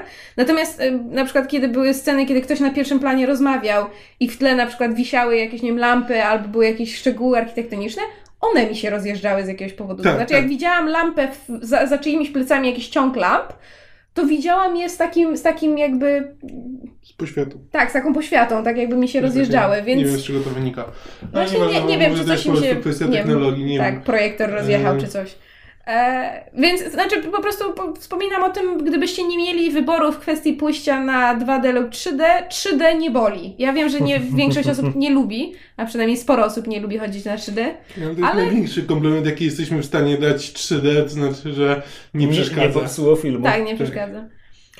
Ja chciałem pochwalić obsadę, bo nawet jeśli bardzo się męczy z bardzo złym materiałem, jak Fassbender, Mhm. to zasadniczo wszyscy wypadają co Tak. najmniej dobrze Mhm. i bardzo mi się spodobali ci młodzi. Ci młodzi Mhm. wybrani do tych ról, które już znamy z poprzednich filmów. Znaczy, okej, Halle Berry była źle obsadzona, więc cokolwiek ją zastąpi będzie na plus, ale podobało mi się to, co zrobili ze Storm. Mhm. Nie podobało mi się, że przez trzy czwarte filmu nic nie robi, tylko robi Znaczy, za to paplotkę. jest- To tak, to była źle napisana postać, No, ale jakby tak. zagrana była fajnie. Tak. E, strasznie mi się spodobał, o mój Boże, jak się na Cody, Smee, McPhee, Johnson. Cody Smith McPhee chyba? Możliwe, czyli nowy Nightcrawler. My name is Kurt Wagner! Nie, nie, to, był- to, to był stary Nightcrawler. Ale, znaczy, ale widać i słychać echa tego. Mam wrażenie, że nawet niektóre jakby Tak, niektóre kwestie były te same, bo Brian Singer składa sobie hołd w tym filmie. Ciągle. Ja wiem, Ciągle. ale mnie to ujęło. To znaczy, ja miałam z tego frajdę, bo ja lubię mimo wszystko tę, Mm. nazwijmy to, oryginalną trylogię, już abstrahując od tego, że wszyscy nie cierpią ostatniego Bastionu. Taj, Taj Sheridan był spoko jako Cyclops, aczkolwiek trochę przepisali Cyclopsa, który w tej rzeczywistości, ponieważ Wolverine cofnął się w czasie, to teraz Cyclops jest szkolnym bad boyem i coś tam. No nie wiem, on przynajmniej pozuje na jakiegoś takiego twardziela tam, kiedy zaczyna mówić o ucieczce ze szkoły i w ogóle. To, Tak, ale mam to wrażenie, było dziwne, to jest ale o okej. dziwne, Myślę, że to się wzięło na- znikąd. Tak, bo on Znaczy, jest na początku przedstawiany jako raczej jako loser, to znaczy jako o, w tak, tamtej- tak, jako w swojej oferma starej szkole, tak. szkolna, więc Nie wiem. ja mam wrażenie, że oni próbowali to jakoś nawiązać do może, bo, no bo jakby Havok i, i, i Cyclops są braćmi, to znaczy Scott, Scott Summers i Alex Summers są braćmi i Alex Summers, którego znamy z poprzednich filmów z nowej trylogii też się pojawia i mam wrażenie, że to jakby było próba takiego dorównania Znaczy, bratu, nie może. Mam wrażenie, że Brian Singer po prostu jakby usłyszał, że jakby nikt nie lubi Cyclopsa, bo Cyclops to jest taki good guy straszny tak w, w tych filmach, więc chciał mu dać właśnie taki, taką badboyowatą stronę, ale nie wiedział jak Znaczy- to zrobić. Ja e, zapomniałam jak się nazywa aktorka z gry o Tron. E. Sofia Turner. O, Sofia, Sofia Turner. E, ja jej nie lubię, to znaczy... Ja mam Ja- problem. Ja, ja jej przez 6 lat nie widziałem w niczym innym, więc patrzę na ekran i widzę Sansę. I To też, ja ją widziałam chyba w jakimś, em, w jakimś zupełnie niskobudżetowym filmie, już nie pamiętam dokładnie o co chodziło. I jakby mam niestety wrażenie, że to nie jest. To nie jest aktorka, która ma szeroki wachlarz możliwości. Tak. Natomiast, daj mi skończyć kotku. Natomiast, mimo że za nią nie przepadam i mimo że momentami widziałam Sansę Stark, tę Jean Grey natychmiast polubiłam bardziej niż tę poprzednią. Znaczy, jakby pod względem charakteru i, i jakby tego, Znaczy, co oni mi próbują Dla mnie przedstawić jest, w tej że postaci. jakby Jean Grey, Famke Janssen jest w ogóle tak beznadziejną postacią i te, tak strasznie mnie mierziła w filmach, że jakby każdy, w, w, każda Ale ją odmiana... tak kocha. Tak bardzo kocham. On ją tak bardzo kocha. A, e, Jean! Każda odmiana jest dobra, no ale wisi nad tą rolą jakiś facet. Znaczy, zatrudniają do tej roli aktorki, których ja nie mogę ścierpieć. U- Ugrałam. Było spoko, było spoko. No, ustało lądowanie, Było tak. spoko. Bez Ja bym, ja bym cholera jasna tak bardzo chciał, żeby cały ten film był o nich. No. bo, a to jest jeden z pięciu wątków. Znaczy, być może, znaczy to nie wiadomo, ponieważ em, to chyba nie jest spoiler, w każdym razie wiadomo już, że będzie kolejny sequel. E, zgodnie z tradycją, że przeskakujemy o 10 lat, ten ma się dziać w latach 90., bo Simon ten Kin Kinberg już potwierdził. Tylko, że potwierdził w taki sposób, że nie wiadomo, czy to będzie kolejny film z tymi X-Menami, czyli że jakby te Czy- postacie czy kontynuują, czy będzie New Mutants, Mhm. tak, więc... y, może, może dostaniemy tych bohaterów, znaczy inaczej, gdybyśmy tych bohaterów młodych, których poznaliśmy teraz, dostali w latach 90., I would shit a brick, bo to jest ten film, który ja chcę zobaczyć. Znaczy lata 90. i te postaci, to jest, do, to jest, to jest jakby moje dzieci, znaczy nasze właściwie wspólne dzieciństwo, no bo to jest, wiesz, to jest animacja i to jest i, i nawet cholerne X-Men Evolution, które jednak wyszło trochę później. Dla mnie to jest po prostu taka esencja Tak, tego lat- klimatu. lata 90. są najlepsze lata dla X-Menów. Nie, No. nie, nie. Znaczy w sensie... Komiksy były straszne wtedy. no, ale Nie, ale moje jako setting dla X-Menów znaczy A, to jest okej. ten, ten, w którym jakby X-Meni mm, są... Mm, znaczy reprezentują najwięcej i najlepiej się w niego wpasowują. Lata 80. Znaczy znowu, ja myślę o komiksach. No właśnie, bo w tym filmie te lata 80. to jest tylko, no właśnie to jest tylko To- setting jakby tak. brzydkich To jest- to ubrań jest- i... To jest swoją drogą bardzo przykre, bo First Class, fabuła First Class musiała się toczyć w latach Tak, 60., tak. bo był pomysł na to, mutanci w kryzysie kubańskim i tak dalej. To musi się toczyć w, nawet nie w tej konkretnej dekadzie, w tym konkretnym tygodniu. I to było super. W Days of Future Past to były dekoracje.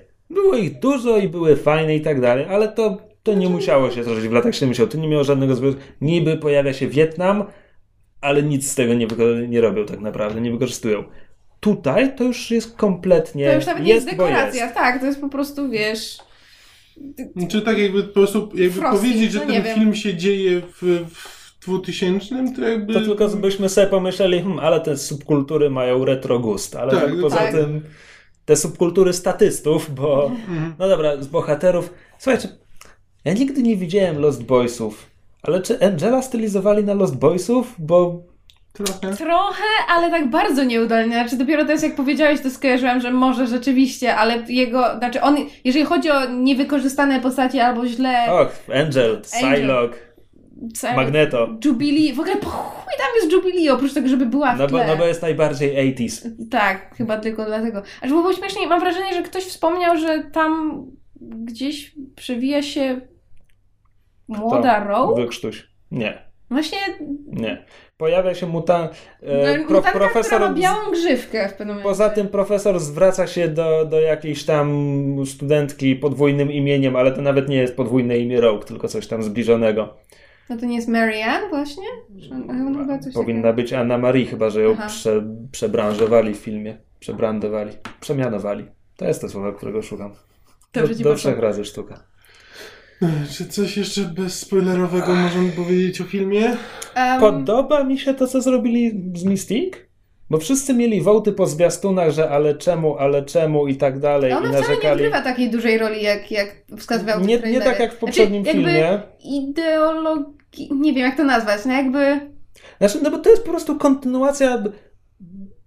Ten film kontynuuje jej historię rozpoczętą zasadniczo jeszcze w First Classie. Mm. I mi się podoba ten jej rozwój na przestrzeni trzech filmów. Znaczy, no, To było spoko. Znaczy, ty, ty, tyle niewiele, ile go w Tyle niewiele, ile go jest. było, to tak.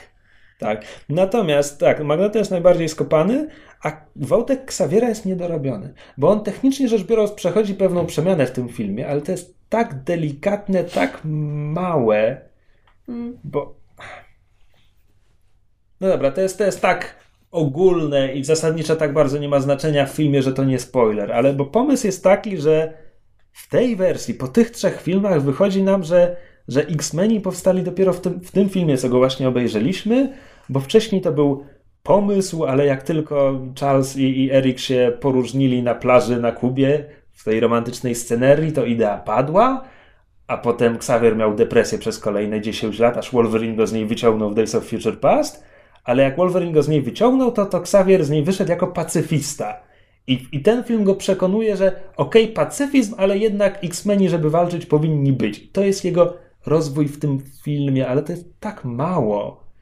I, i no i nie wiem, no i, co, i on naprawdę potrzebował zobaczyć Apokalipsa, żeby dojść do tego wniosku, bo, bo poprzednie dwa filmy go tego nie nauczyły, że czasem trzeba walczyć? Naprawdę? No coś, coś tu nie działa. Nie, się z tobą zgadzam.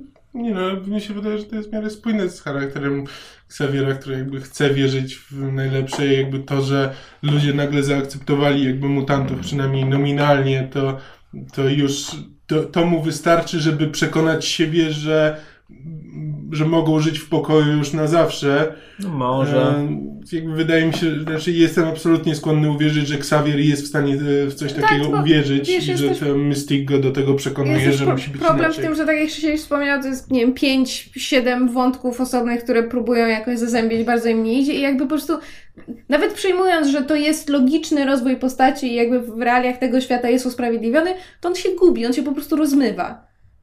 Zwłaszcza mam wrażenie pod koniec, bo jakby finał, finał mam wrażenie sugeruje pewien konkretny kierunek dla ewentualnej dalszej fabuły, który No tak. mniej może, być może będzie mniej związany z tym, czego dotyczyła do tej pory, czyli jakby właśnie trudną przyjaźnią Xaviera i Magneto.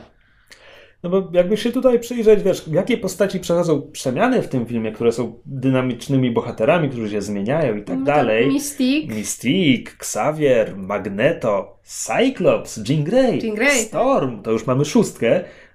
A Quicksilver teoretycznie. Quicksilver teoretycznie siódmy, a po prostu no, żadne z nich nie jest pokazane dobrze w tym Mm. procesie. A najbardziej skopany jest Magneto. Będę to powtarzał co 5 minut, bo, Mm. bo był naprawdę Znaczy, źle nawet, nawet. Quicksilver, który, again, kradnie film e, mimo pewnych mom- momentów przefajnienia, jakby na koniec, to znaczy, to, to ma, mam wrażenie, że coś skopali, to znaczy nie rozumiem pewnych decyzji scenariuszowych, ale może to już w części spoilerowej, bo e, Znaczy, te znaczy wątki postaci, znaczy to jest to, to, to, Wszystkie postaci jakby mają to, o czym mówiłeś przy Xavierze, znaczy wątki są poprowadzone dosyć szybko. Znaczy wszelkie, każda przemiana bohatera jakby dokonuje się w, jakby w bardzo konkretnym momencie filmu, jakby po prostu tak jakby ktoś przełączył im stryczek, bo miała się dokonać i po prostu i w tym momencie jest dobry na ten moment i teraz włączamy, z, włączamy im e, inny tryb działania. No i to tak, no nie jest to, nie jest to naturalna, naturalna progresja. tak.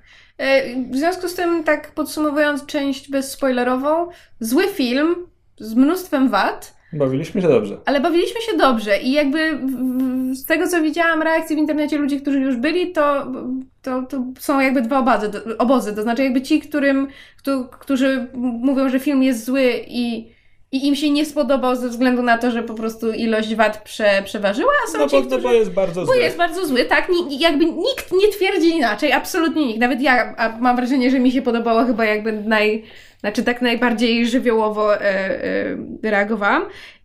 I, I właśnie i jakby druga grupa to są ci, którzy mimo wad po prostu bawili się dobrze, czy to po prostu przymykając oczy na głupotę, czy, się, że czy wygrzebując po prostu te elementy, które, które, które sprawiły im radochę. Żeby się dobrze bawić na tym filmie, no to po pierwsze trzeba być znaczy, fanem, Fanem. X-Menów, ale konkretnym fanem X-Menów. Znaczy nie każdy, no bo jakby fanem konkretnej wersji X-Menów prawdopodobnie.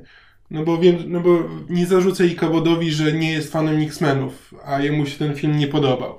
I jakby jestem w stanie to Znaczy, zrozumieć, nie że po podobało, prostu... ale i, i Cabot chyba napisał jakby w jednym zdaniu dokładnie to samo, że film jest beznadziejny, ale były fajne sceny, fajne Mm. momenty. I to jest mniej więcej to samo, co my twierdzimy, to jest po- podejrzewam, że tylko różnica Kwestia jakiejś... proporcji. Tak, od takiego, wiesz, procentowego na zasadzie, jak bardzo ci się podobało. No tak.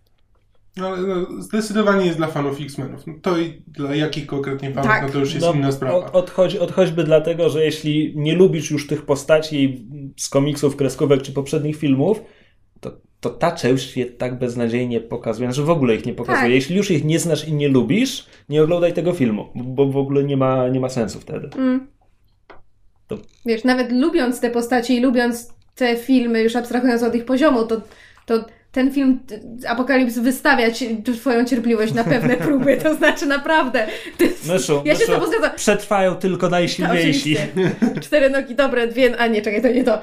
E, ja, ja się z tobą zgadzam, to znaczy im dłużej rozmawiamy, tym bardziej stwierdzam, że rzeczywiście wątek Magnet jest najbardziej skopany i to chyba właśnie boli tym bardziej, że on był... No był osioł na pewno first class. Tak. De, Dove, no Dove też, też. mi żonglowało trochę. Tak, no wiesz, kwestią moralności i tak dalej, więc e, tym bardziej właśnie boli to, że został tak skopany. A, ale już może jeśli chodzi o szczegóły skopania, to przejdziemy do sekcji spoilerowej, bo to chyba koniec takich ogólnych naszych uwag. Tak, chyba powiedzieliśmy wszystko, co było do powiedzenia. That's all we have to say about that. No, więc teraz Czekaj, możecie to- wyłączyć, to, to, to.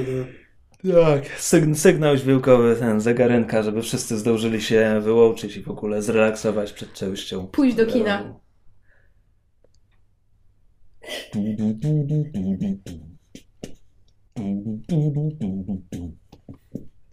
Sweet dreams are made of these.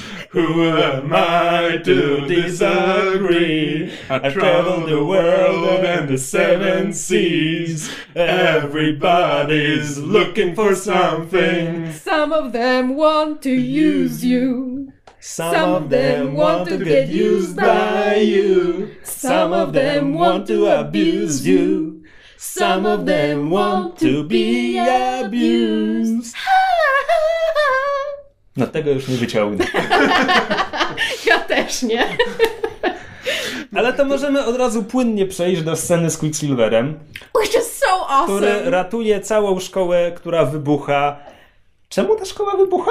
Co, co Havok trafił? Czy oni tam składowali całą Nie, Havok, rafinerię? znaczy ja rozumiem, że Havok trafił to pole mocek apokalipsa, jak oni się teleportowali. I'm A, assuming. a widzisz, bo ja myślałem, że oni już zdążyli się wyteleportować, a Havok trafił, Tak. nie wiem, paliwo Blackbirda czy coś? Właśnie też miałem wrażenie, że on po prostu, że jakby strzelał w nich, oni już e, uciekli, więc on trafił coś, co Wy- było... Jesteś jest- święcie- jest tam tak- przekonany, że on Arsenał- trafia coś Że za arsenał, nimi. który Beast zbierał po prostu, czy, Znaczy, czy coś Beast takiego. nie zbierał arsenału, tylko budował Blackbirda. Tylko, że ja mam wrażenie, że Havok trafia w resztkę tej mocy apokalipsa i przez to ona się zwiększa, idzie dalej i trafia w Blackbirda and then it explodes for Ale some to była reason. teleportacja. Czemu teleportacja? Znaczy, To w ogóle moc apokalipsa nie, jest. Bo, nie, bo, bo teraz powiedzmy, bo Qu- Quicksilver z tym swoim magicznym Walkmanem, bo z jakiegoś powodu muzyka z niego leci w tempie Quicksilvera. Ale na takiej samej zasadzie Mhm. on jest w stanie wypić e, napój z puszki. Tak, tak, to tam To nic, tak nie nic nie działa. ma to sensu. tak nie działa. E, tylko, że ta scena, tam, tam chyba cała piosenka zdążyła wybrzmieć. No sporo jej. To jest długa scena, to jest, dużo za długa dłu- scena. Dużo za długa, tak. Więc ja po pierwsze zacząłem się nudzić, bo to jest fajne, ale to jest już tak bardzo Znaczy, komputerowe. To, to było świetne, znaczy wiesz, jak on wyciągał, wyciągał tych ludzi i tam się trochę z nimi bawił, to było super, ale w momencie, kiedy on zaczyna ich wyrzucać jeden za drugim po, przez okno, zostawiać ten, to się po prostu robi takie Rube Goldberg machine, to znaczy coś, co, w co ja w ogóle nie wierzę. Znaczy to, że on ich tam wyciąga i trochę się z nimi bawi, to jest fajne i ja w to wierzę. A to, że on po prostu w tym momencie już planuje, że on ich wyrzuci za okno, w tym czasie zbuduje im, zbuduje im trampolinę, na którą wylądują i jakieś nie Szała wiem, z basen z kulkami. Tak, coś po prostu już trochę jest W przekombinowana. każdym razie w zmierzam do tego, momencie. że ponieważ ta scena była tak bardzo długa, to ja naprawdę miałem dużo czasu, żeby się zastanawiać, co tam do cholery wybucha, bo kompletnie nie rozumiałem. A potem jeszcze, więc mamy tę zabawną scenę i tak dalej, i tak dalej. I tak ja już się znudziłem, ale ja wiem, ona miała być zabawna i tak dalej, i tak dalej. Po czym 5 sekund później dowiadujemy się, że Havok zginął w tej scenie. I to po prostu, to tak nie działa ta zmiana z jednego nastroju w drugi. Zwłaszcza, że potem już mamy kidnapping i pojawia się Striker i w ogóle akcja, wiesz, rusza. O tak, Striker był tak potrzebny w tym filmie. Tak bardzo Znaczy ja, potrzebny. ta, ja trochę zapiszczałam, jak pojechaliśmy do Alkali Lake, ale ja jestem prosta. To i Trochę zapiszczała. Już zapiszczała już jak... No dobra. Znaczy jak, jak wsiedli do helikoptera, ja stwierdziłam Striker, helikopter, uuu, Alkali Lake. No tak, no i e, ten Under the Sea, ten w ogrodzie ośmiornicy i w ogóle e, pod jeziorem e, wypuszczają Wolverina z klatki i wychodzi Wolverine jak z okładki Weapon X Barego Windsor Smitha Widzisz, mówiłam, że ja kojarzę i ten robi, design. i robi jatkę, no bo to jest, to jest ikoniczne. No właśnie. I robi jatkę, potem młodzi mutanci go łapią i Jean od razu wyczuwa jakąś nić i grzebie mu w muszczku i oddaje wspomnienie albo dwa i on ją będzie już tak strasznie po tym kochał i to było tak bardzo niepotrzebne, A, żeby to tam poszło. A propos kolejnego odniesienia meta, to jest to, o czym tak, mówiłeś. to jest to, co zażyna nastrój, bo... Mam bo, nadzieję, bo że to, nigdy bo to więcej jest, go nie zobaczymy, Bo to jest tak? zabawne samo w sobie, jak tam e, Hugh Jackman nagle wypier... przez te drzwi i znika w lesie. To znaczy, to, to było komiczne. Nie wiem, czy miało być, Znaczy, ale było On tam komiczne. autentycznie z tą swoją grzywą, on tam wygląda jak dzikie zwierzę, takie uciekające, po prostu jak taka sarna uciekająca Zwłaszcza, że w las. Oni kiedy po raz pierwszy słyszą dźwięki z tej klatki, to oni się pytają, czy to to jest zwierzę. zwierzę, a ja No. takie to rosomak. No tak. E, no a potem, a potem Cyclops rzuca tym ha, ha, ha, mm, mm, obyśmy go już nigdy więcej nie zobaczyli. No i tam po prostu Ła, ła, tak, dokładnie, ła. brakuje tego efektu dźwiękowego. No to zarżnęło scenę. No. Hmm. To naprawdę, Singer, nie, nie baw się, nie idź tą drogą, nigdy więcej, nie potrafisz. Nie, nie, nie dla ciebie takie zabawy. Ale skoro mówimy o scenach, które miały wy, wywrzeć pewien wpływ na widownię, a wywierają zupełnie inne, to porozmawiajmy o tym, jak polski milicjant zabija z łuku rodzinę Jezus. Magneto. To było tak naciągane, Boże święty. Jak cięciwa? a, o, o, o. a, we have fun. E, to znaczy, przede wszystkim, już abstrahując od tego, że ponieważ oni tak po polsku mówią dziwnie i śmiesznie, więc to jest dziwne i śmieszne, Znaczy tak, ponieważ te łuki są absurdalne. też jest takie... Znaczy tak, znaczy niestety polska widownia się przez całą tą scenę głównie śmiała. Znaczy, tak. I nie bez powodu. To Nie znaczy, to nie jest to, powodu. że my byliśmy niemi- niemili, to po prostu Natomiast- dziwnie wygląda. Nawet gdyby to było dobrze zagrane i zmontowane tak, żeby to wszystko mogło wybrzmieć, bo to jest, bo to jest zbyt szybko. Jakby film każe mi się przyjąć losem, no bo to jest, no bo to jest żona i dziecko, ale ja miałem z nimi jedną scenę wcześniej. To jest jakby no, Znaczy, taka jest- abstrakcja kompletna. Znaczy, mnie troszeczkę ruszyło tam pod, po, po, pod sam koniec tej jakby No sekwencji, już jak Erik zabija- nad nimi tak, płacze nad i w ogóle, płacze. no bo Fassbender dobrze gra. Tak, dokładnie. To było na zasadzie, u, jak on dobrze gra, to mnie rusza. To mnie, rusza mnie to, że, dobrze, że on dobrze gra. Ale jakby właśnie kontekst taki emocjonalny tych postaci. Natomiast to jest po prostu, pojawia się Magneto po 10 latach mieszkania w Pruszkowie Koło Opola. i, i ginie mu rodzina i, i to ma być tragiczne, no bo no jest, na papierze jest, ale kompletnie nie działa w filmie. No, A potem jeszcze- nie działa dla ta mnie... scena, w której ten policjant wystrzeliwuje ten łuk gdzieś i akurat Znaczy, gdyby wystrzelił łuk, to to by była duża Jezu, sztuka. wystrzeliwuje strzałę z łuku i ona akurat leci, czy to po prostu to jest... I nabija po prostu kebab z matki i dziecka. Tak, dokładnie, ta, ta, jedna, ta jedna drewniana strzała, wiesz, zrobiona na Przebija na dziewczynkę kolanie, na tak. wylot i prosto w serce matki. To po prostu Hawkeye tak nie strzela. A natomiast nawet gdyby to było dobrze zagrane, zmontowane, nakręcone, gdyby, to, gdybym ja się tam popłakał jak bóbr, to wciąż nie działałoby dla mnie jako motywacja dla postaci Magneto, no bo to nie jest to nie jest tak, że ludzie się rzucili rany boskie, mutant, jątek, bierz widły, tylko oni się boją najbardziej poszukiwanego, niebezpiecznego przestępcy terrorysty na świecie. Jakby to jest racjonalny strach do cholery. Mm. Strach przed mutantami ma być nieracjonalny. No, Znaczy, no gdyby nie, gdyby nie ten, e, no jak to się nazywa, temper tantrum jego córki, to on by z nimi poszedł spokojnie i na tym by się skończyło. Koniec. Magneto w więzieniu. no właśnie. Swoją drogą, Gdzie, gdzie by go trzymali w, Właśnie. w Polsce w 83? jak to? W klatce z drewna.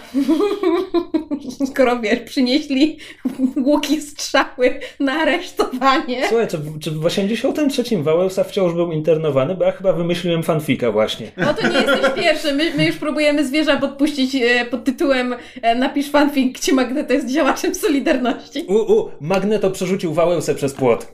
Dokładnie tak. Dokładnie tak to miało być. E, ale już, ale w ogóle ja miałam problem z tym Magneto, bo, bo wiesz, potem jest ta scena jeszcze w Czy to ciebie Oświęcimiu. zwoł Magneto? Magento. E, potem jest ta scena w Oświęcimiu Henryk, nie i... rób tego. Henryk, nie rób tego. Michale, coś ty zrobił. E, I potem są te Jakubie, sceny... jadłem w twoim domu. Znaczy, naprawdę nie wiem, kto im pisał te dialogi. Chyba rzeczywiście polonista, bo one były tak hiperpoprawne, Nie widziałeś mnie, ale jadłem w twoim domu. O Jezus Maria, no. Um, ahem. Eku, eku. no ale potem są jeszcze te sceny, wiesz, w Oświęcimiu i to takie na, na zasadzie... Tak, Magneto zniszczył Sięg, sięgnij, sięgnij swoją, swoją mocą do wnętrza ziemi, w ogóle wstrzymał słońce, ruszył ziemię. Czekaj, ale to teraz już mówisz o polskich napisach, bo tam, tam już dialogi są po angielsku. Tak, ale chodzi mi o jakby o też ca- ca- A cały wątek A magnetu. czekaj, że bo, bo tak... mówiłaś o narzekaniu na polskie napisy, a ja nie zwracałem na nie tak bardzo uwagi. Natomiast pamiętam, że właśnie to sięgnij w głąb ziemi i w ogóle i wstrząś posadami świata. To było dziwne. Równie, Wstrząś? Równie dziwne były, e, jak tam już w finale Xavier apeluje do Jean. Tak, Odpuść Jean, Odpuść odpuść Jean, Tak, tak, Jean. let it go. Let it flow. Nie, to...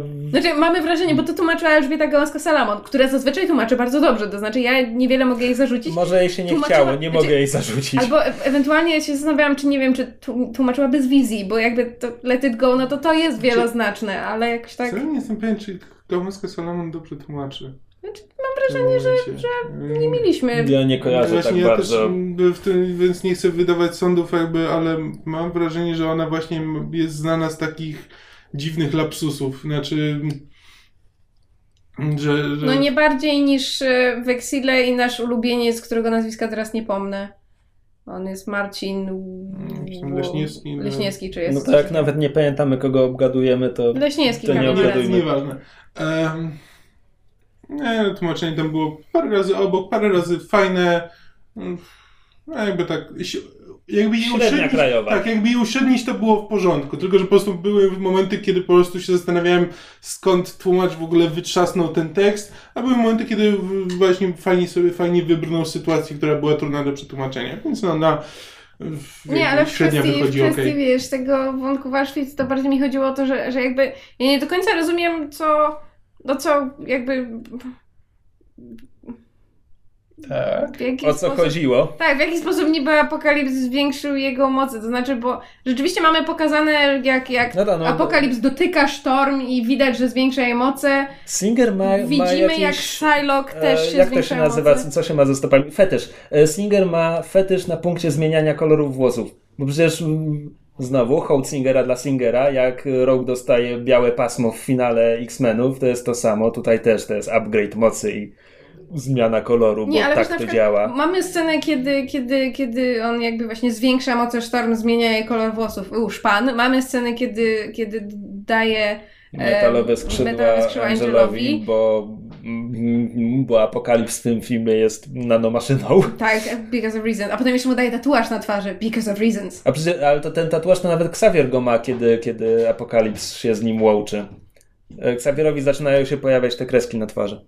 Ale jakby mamy, mamy scenę właśnie, wiesz, nawet Psylocke jest tam pokazane jakby, kiedy, kiedy ten niby jej, jej miecz zaczyna, wiesz, się żarzyć i on sugeruje, że może zwiększyć jej moc, ale przy Magneto to jest na zasadzie ej stary, spróbuj sięgnąć głębiej. Jej, udało się. I on potem rozwala to, wiesz, to cholerne Auschwitz i w pewnym momencie tak oglądam, jak on to wszystko rozwala w perzynę. Jest takie ej, to cegły są z metalu?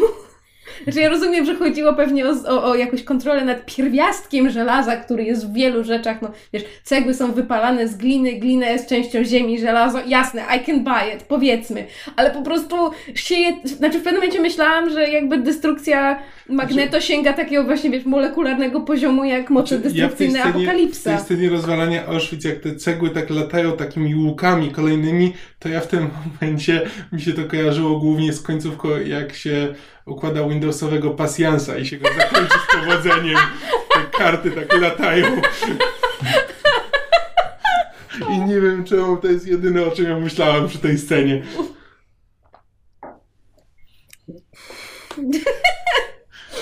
Słów brak. Słów mi brak. A jeszcze z Kamilem podczas filmu zwróciliśmy uwagę na to, że e, Ma Magento dostaje piękną Magento zbroję od Apokalipsa i Angel dostaje nie tylko metalowe skrzydła, ale i zbroję.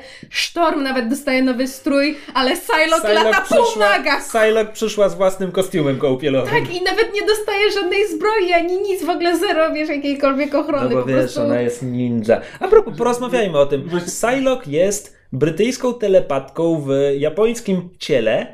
Filmy tego nie tłumaczą i może to i dobrze, bo to jest clusterfuck. Co ona robi we wschodnim Berlinie? Co Angel, który nie ma niemieckiego akcentu w tej wersji, bo, bo i czemu, co on robi we wschodnim Berlinie? Ja w ogóle nie wiem, co się dzieje w tym wschodnim Berlinie. To znaczy, to jest jakiś, jakiś undergroundowo-punkowi anarchiści współpracujący ze Stasi, bo tam są ludzie w wschodnio-niemieckich mundurach, zmuszają mutantów, do walk ze sobą? Nie pytaj, nie Ale pytaj. Ale jeszcze istnieje podziemie mutantów, które prowadzi Kaliban, który im załatwia... A Kaliban był śmieszny w tej Ka wersji. Kaliban był spoko, ale załatwia im, wiesz, dokumenty wyjazdowe i Psylocke, jeżeli mam rozumieć, jest jego bodyguardem i No bodyguardem, nie, on, on tam mówi o swoich dziewczynkach, że ma tam na usługach telepatki, które znajdują mu tych mutantów. A, rzeczywiście, tam to są jest tyle takie... dziwne, że mocą Kalibana jest znajdywanie mutantów, ale fuck it, nieważne, może potrzebował pomocy. Logic. Śpiewały mu chórki. Dobra, czekaj. Porozmawiajmy o tych, o tych jeźdźcach apokalipsy. Ja właśnie, właśnie bo... chciałem, bo tak, ja się bardzo ucieszyłem, jak na początku mamy Ororo w Kairze, która ma gang złodziei i ona jest złodziejką, bo to jest komiksowa przeszłość Storm i to jest podstawa jej charakteru i w ogóle i się strasznie ucieszyłem, że to tam jest. I nawet jak już Storm zostaje sama z apokalipsem, to też pokazuje trochę charakteru. A potem Apokalips daje jej upgrade mocy. I no, make-up i fryzurę, bo, bo jest potężnym złym bóstwem i one tak robią. Nieważne. E, ja byłem w tym momencie święcie przekonany, że on przejmuje nad nią kontrolę, ale potem film bardzo wyraźnie nam mówi, że nie, Apokalips nie ma telepatii i nigdy jej nie miał i to jest to, czego mu brakuje i dlatego tak pała taką miłością do Xaviera. W związku z czym ja retroaktywnie zacząłem się zapyta, zapytywać, zadawałem sobie pytanie, czemu oni z nim idą? Właśnie, to jest Czemu oni z nim I to jest to, o czym mówiliśmy wcześniej bezspoilerowie, to znaczy jakby w momencie, kiedy na początku mamy wyraźnie pokazane, że jeźdźcy apokalipsy są w stanie poświęcić własne życie tylko po to, żeby go chronić i, i to nie na zasadzie wiesz, wezmę jedną kulkę w ramię dla ciebie, ale potem radź sobie sam, tylko autentycznie po prostu... No to ta jej, szczyni ostatnim tchem dba o to, żeby on tak, przeżył. dokładnie. wiesz, a, a, a potem mamy, wiesz, pokazanych tych współczesnych jeźdźców, którzy jakby... Po pierwsze, znaczy nic o nich nie wiemy, nie wiemy dlaczego tak naprawdę dołączają do apokalipsa, oprócz, oprócz wiesz, tego na zasadzie będziesz miała większą moc, nikt ci więcej nie podskoczy, a potem i tak wszyscy go zdradzają. Poza Silo, która nie ma, nie ma okazji go zdradzić i ucieka i oprócz Angela, który ginie. Ale, ale Silo tak złowrogo patrzy na tak, Storm jak i Magneto, tylko, ona ma tylko, im za złe, że zdradzili. Jak tylko zaczęła uciekać z tym wyrazem pogardy na pysku, to ja powiedziałam do Kamila, oho, she's gonna come back. Znaczy, po co? Ale najgorsze jakby w tym jest, że to... No bo jeśli oni się tam dołączyli do, do niego z własnej woli i są tam z własnej woli, to potem, a potem na koniec jest takie o, to ja teraz zostanę X-Menką. I jakby i znaczy, nie, wiesz... nie z, z, Ororo, z, z Ororo akurat tam jest sporo, wiesz, no, na początku mamy pokazane, że, że ona uważa Mystique za swoją bohaterkę, to jest jedno. Tak, potem, a potem... potem pomaga Apokalipsowi zabić tysiące ludzi i jakby nie mruga okiem, bo tak by się zachowała Mystique i bohaterka? I dopiero potem, kiedy Mystique jest zagrożona, to ona się orientuje, że robi coś złego.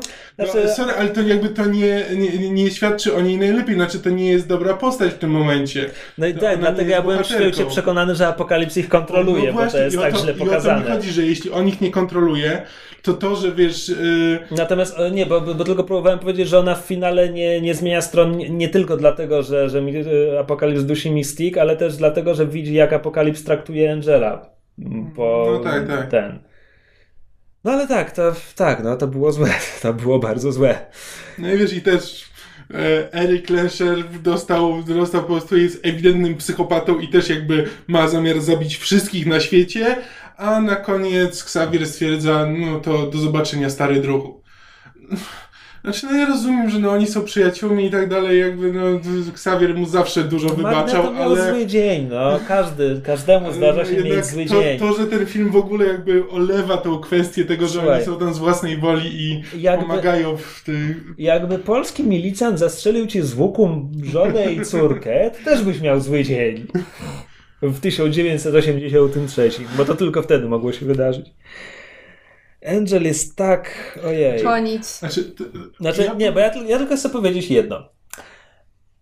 Historia tego, jak Angel zostaje jeźdźcem apokalipsa, to jest fantastyczny materiał, który może być zaadaptowany fantastycznie lub skopany. I w komiksach powiem szczerze, że znam je tylko z drugiej rełki z podcastu J.N. Miles, ale brzmi, że było to dobrze pokazane i zrobione i w ogóle.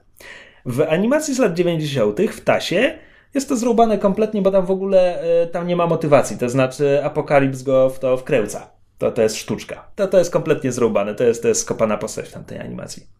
E, W Evolution nic, niczego takiego nie było. W Wolverine and the X-Men jest jeden odcinek w całości o tym, jest fantastyczny. Jest prawdopodobnie najlepszym odcinkiem, bo po prostu bierze z komiksu to, co jest najważniejsze. To znaczy Warren zostaje ciężko ranny, ma połamane skrzydła, ktoś go zdradza, kto inny w komiksach, kto inny w animacji i rozkazuje lekarzom te skrzydła amputować.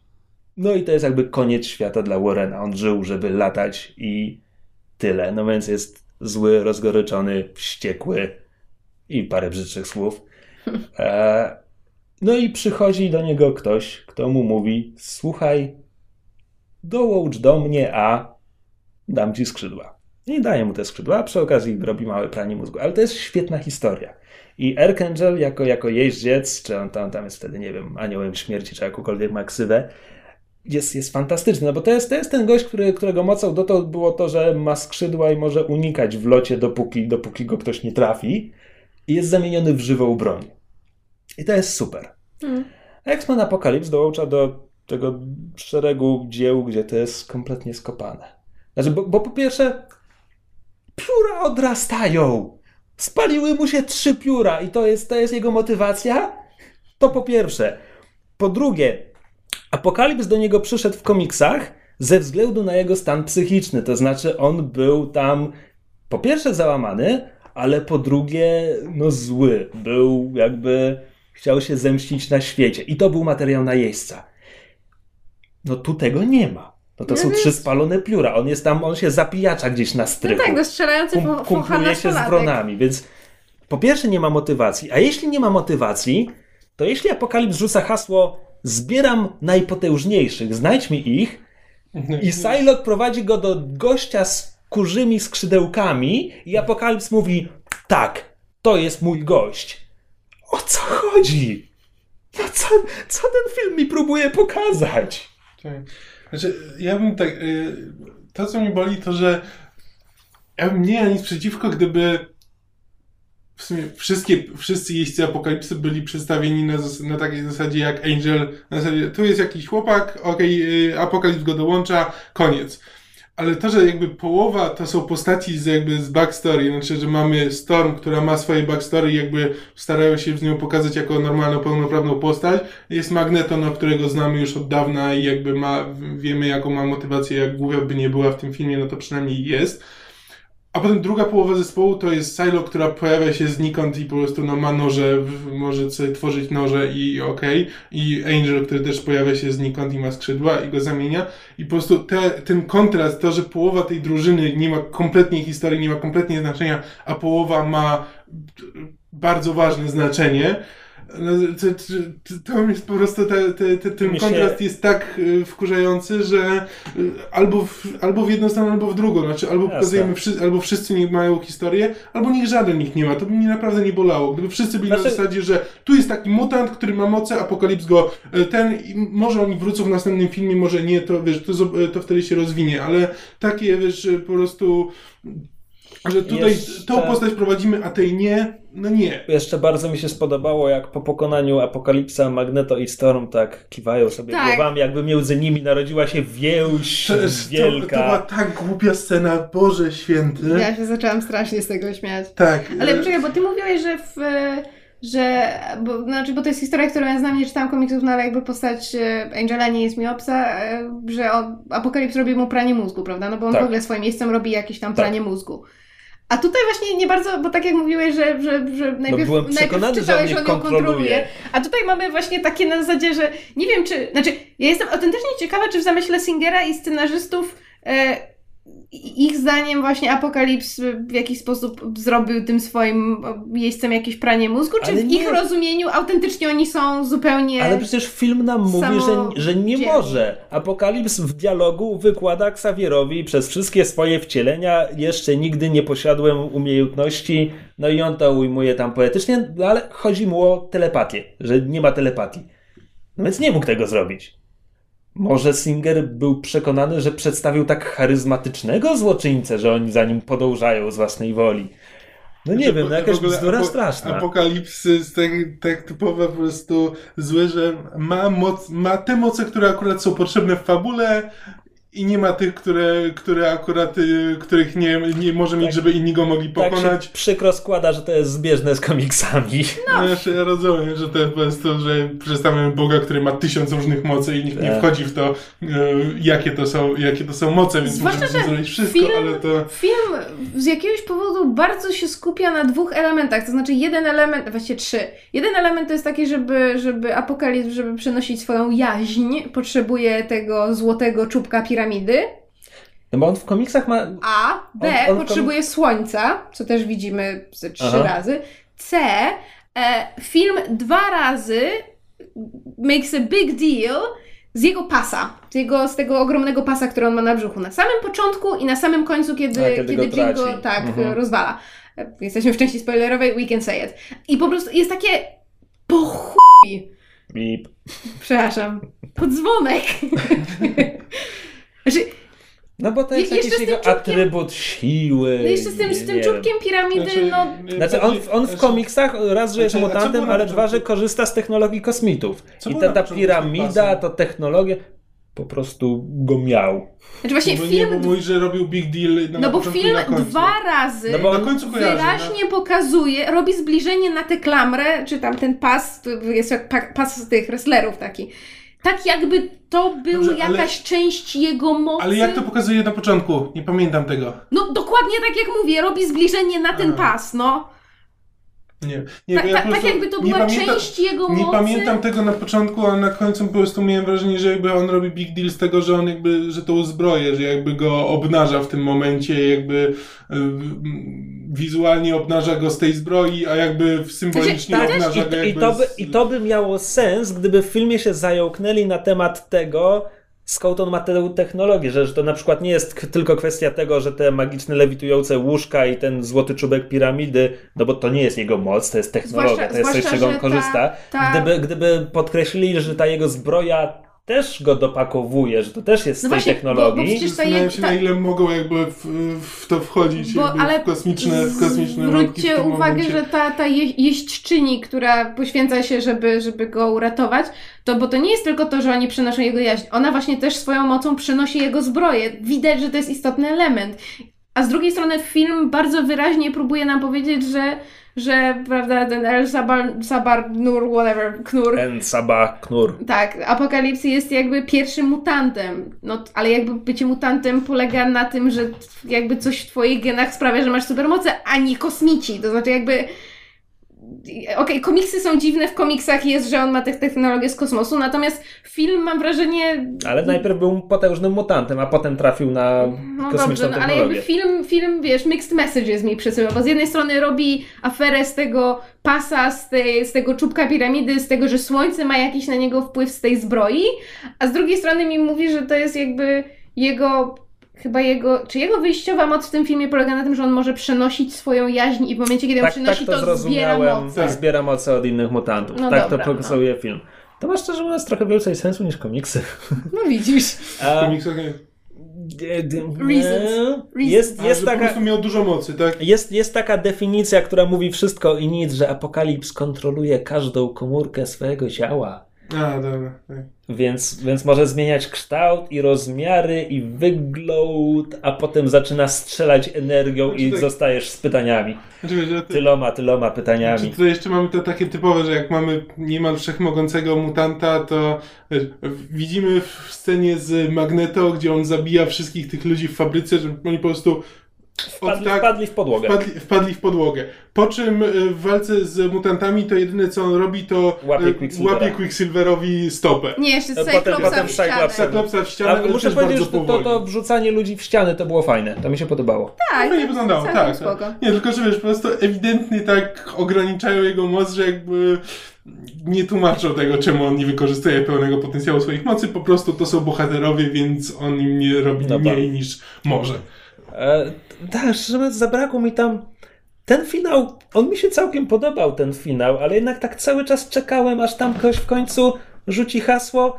No dobra, Xavier i Jean atakują go telepatycznie, to my go zaatakujemy właśnie- teraz, kiedy jest rozkojarzony. No co, Ja na, chciałam... żeby nadać jakiś porządek temu, temu waleniu, Bo- gdzie popadnie, czym popadnie. Ja w tym finale zauważyłam rzecz, z której jakby wcześniej sobie nie, nie zdawałam sprawy, co jest o tyle dziwne, że to jest motyw, który się przewija chyba we wszystkich X-Menach, nawet nie, nie, nie tylko tych Singera. To znaczy, że jakby te filmy uparcie myślą, że seria ujęć z twarzy Xaviera, e, który prowadzi z kimś walkę umysłową albo z kimś rozmawia i twarze i ujęcia na twarzy zebranych wokół niego ludzi, którzy z jego urywanych słów wypowiadanych na głos muszą się domyślić, co się właśnie dzieje w jego umyśle, robią wielki, wiesz, jakieś wielki, wielkie wydarzenie. W momencie, kiedy ci ludzie tak naprawdę tylko stoją nad facetem, który mamrocze przez sen.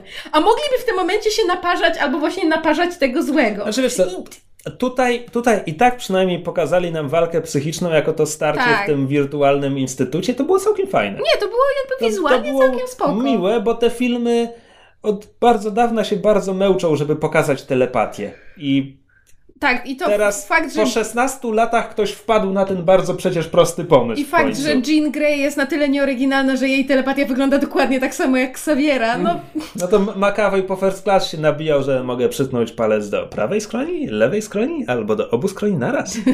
a mogę nawet dwa palce. No właśnie. E, tak.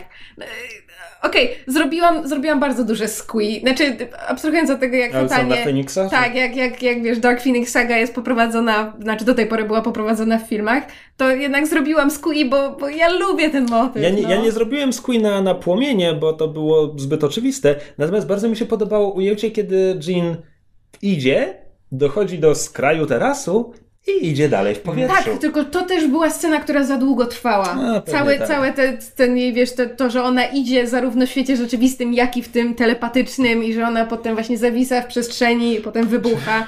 Znaczy, podobało mi się to, że efekt zabijania e, apokalipsa, znaczy to, że ta jej moc zdziera mu kolejne warstwy skóry. Znaczy to, to się działo o wiele szybciej w, e, w apokalipsie niż w ostatnim bastionie, ale jakby, że efekt spró- próbowali zrobić ten sam. Mhm. Ale też to wiesz, to jego na koniec takie, że everything has been revealed. Really? Really? Ciąg dalszy nastąpi. No właśnie. Jeszcze w tej scenie, w, w tej walce finałowej, tam jest co jakiś czas są przebitki na Moirę McTaggart.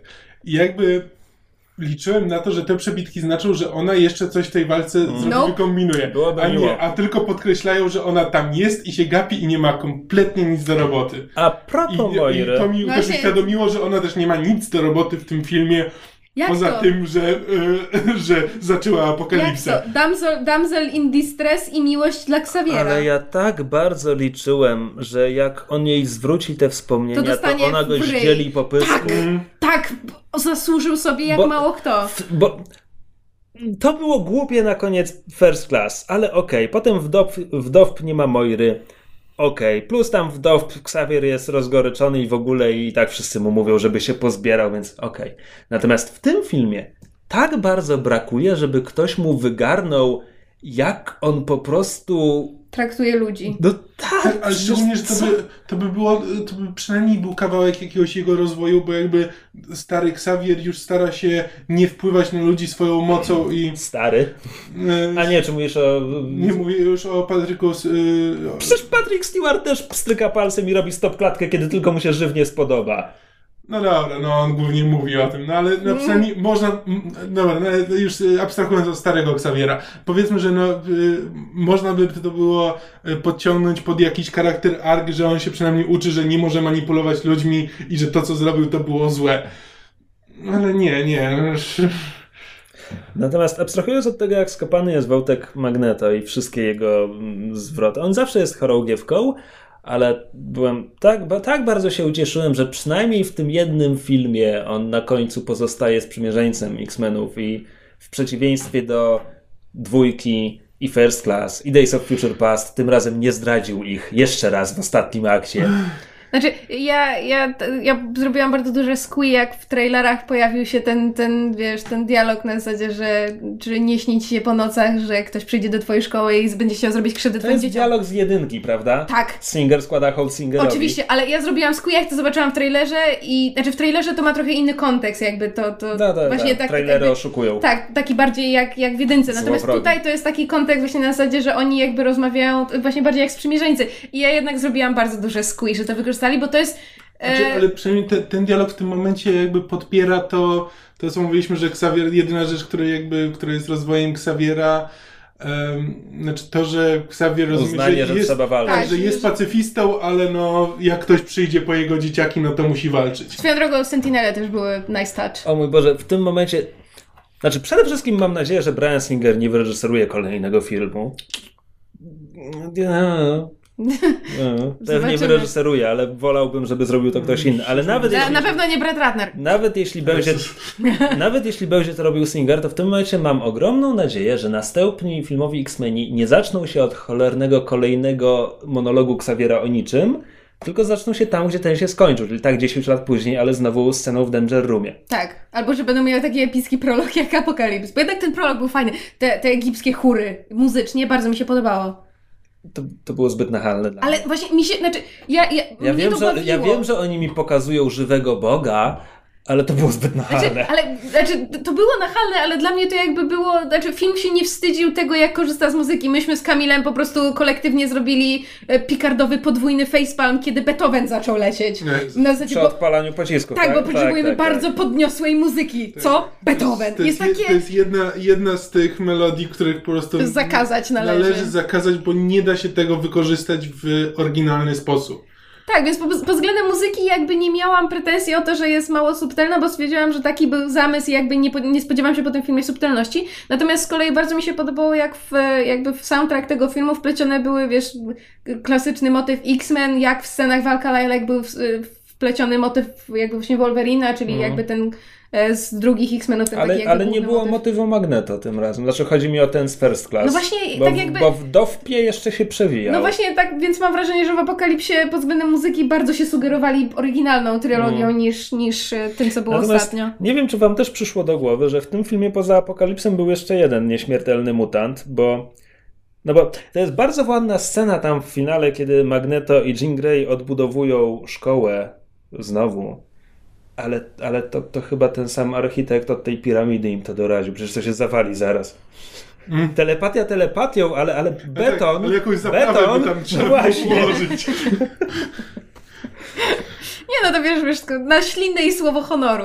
A, bo jeszcze mówiłam w części bezspoilerowej, że jest jeden, jedna rzecz, do której chciałam się przyczepić. To znaczy, ja nie rozumiem, znaczy, abstrahując od tego, że Quicksilver kradnie cały film, ja nie rozumiem jego story arku, to znaczy, wiesz, z jednej strony to jest chłopak, który najpierw e, wiesz, nie obchodziło go, kim jest jego ojciec, potem się dowiaduje, że Magneto jest jego ojcem, stwierdza, że go to nie obchodzi, potem stwierdza, a nie, czekaj, pójdę do niego i mu wygarnę, a potem stwierdza, a wiesz co, nie, powiem mu kiedy indziej. Kurwa, co? No po co? Ja, jakby, ja autentycznie, znaczy, to by było bardzo tanie zagranie, gdyby w tej kluczowej scenie, kiedy Mystic i, i, i, i Quicksilver konfrontują się z Magneto pod tytułem masz jeszcze rodzinę, masz Jestem mnie, twoim synem. Charlesa, a po co ty tu jesteś? Ja tu jestem, bo też tu jestem dla swojej rodziny.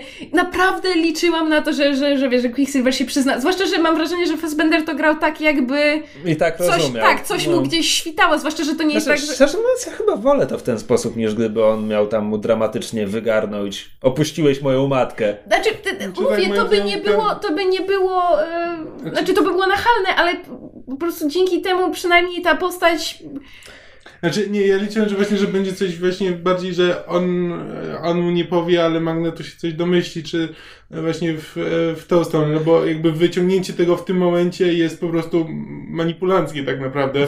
jeśli, jeśli Quicksilverowi zależy na tym, żeby poznać swojego ojca, jakby po prostu No wiesz- że chce, chce go poznać, to jakby mówienie w tym momencie, kiedy oni próbują go przekonać, żeby no to jest po prostu jakby y, Znaczy, pachnie takim manipulacją. Ja No, lubię Mystique, myślałem, ale umówmy się, ona wiedziała, co robię, kiedy jakby... Nie no, Mystic jak najbardziej wiedziała, czemu, czemu idzie tam z Quicksilverem. Tylko, że jakby właśnie liczyłem, że to będzie tak, że Quicksilver się nie przyzna Magneto i tak zrozumie. Ale no, Znaczy, to tak mam... Tak Znaczy, no Fassbender gra jakby rozumiał. Tak, ja- znaczy jakby coś film mu tego nie potwierdza w żaden sposób. Mhm. Natomiast e, ja nie mam złudzeń, że, że Quicksilver to nie pożyje długo w tej serii, teraz jak już dołączył do zespołu, bo, sp- bo spójrz na ten film. Mm, Przychodzi do wybuchającej szkoły i ratuje wszystkich, poza Hawokiem, bo powody stał za blisko. Co? A, nie, znaczy, no, tam jakby, ale potem, ale potem, Havok zginął pierwszy, jakby jak już Quicksilver tam Może. przybył, to Havok już był... ale potem, kwarką.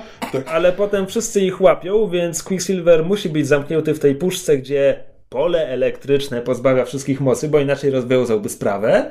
A potem w walce z apokalipsą musi okuleć w pierwszych trzech minutach, bo inaczej też rozwiązałby sprawę. Znaczy nawet nie tyle Aczkolwiek w pierwszych muszę- trzech minutach, bo, No bo najpierw w ogóle jeszcze z rozmawia z Magneto, Magneto. tak. E, więc więc e, albo go zaraz wywalą z tego zespołu, albo zginie między filmami, tak jak między First Class a Dovpem zginęła połowa zespołu. Co?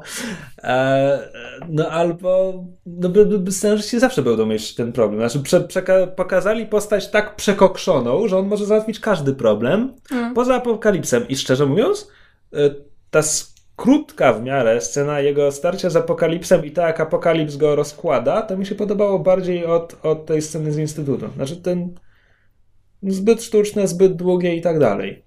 To Znaczy, gdyby ta scena w instytucie była krótsza o, nie wiem, półtorej gdyby dwie wybrali minuty. krótszą piosenkę. Nie no, wiesz... Ale przecież nie wiem, czy znaleźliby coś z podobnym. Ale w- przecież to... Um, Jezu, ja zapomniałam tytułu tej piosenki, którą wykorzystali w... w Dowpie. W, w Dowpie? Tak. Nie Time in a Bottle, ale coś, coś, tak. coś takiego.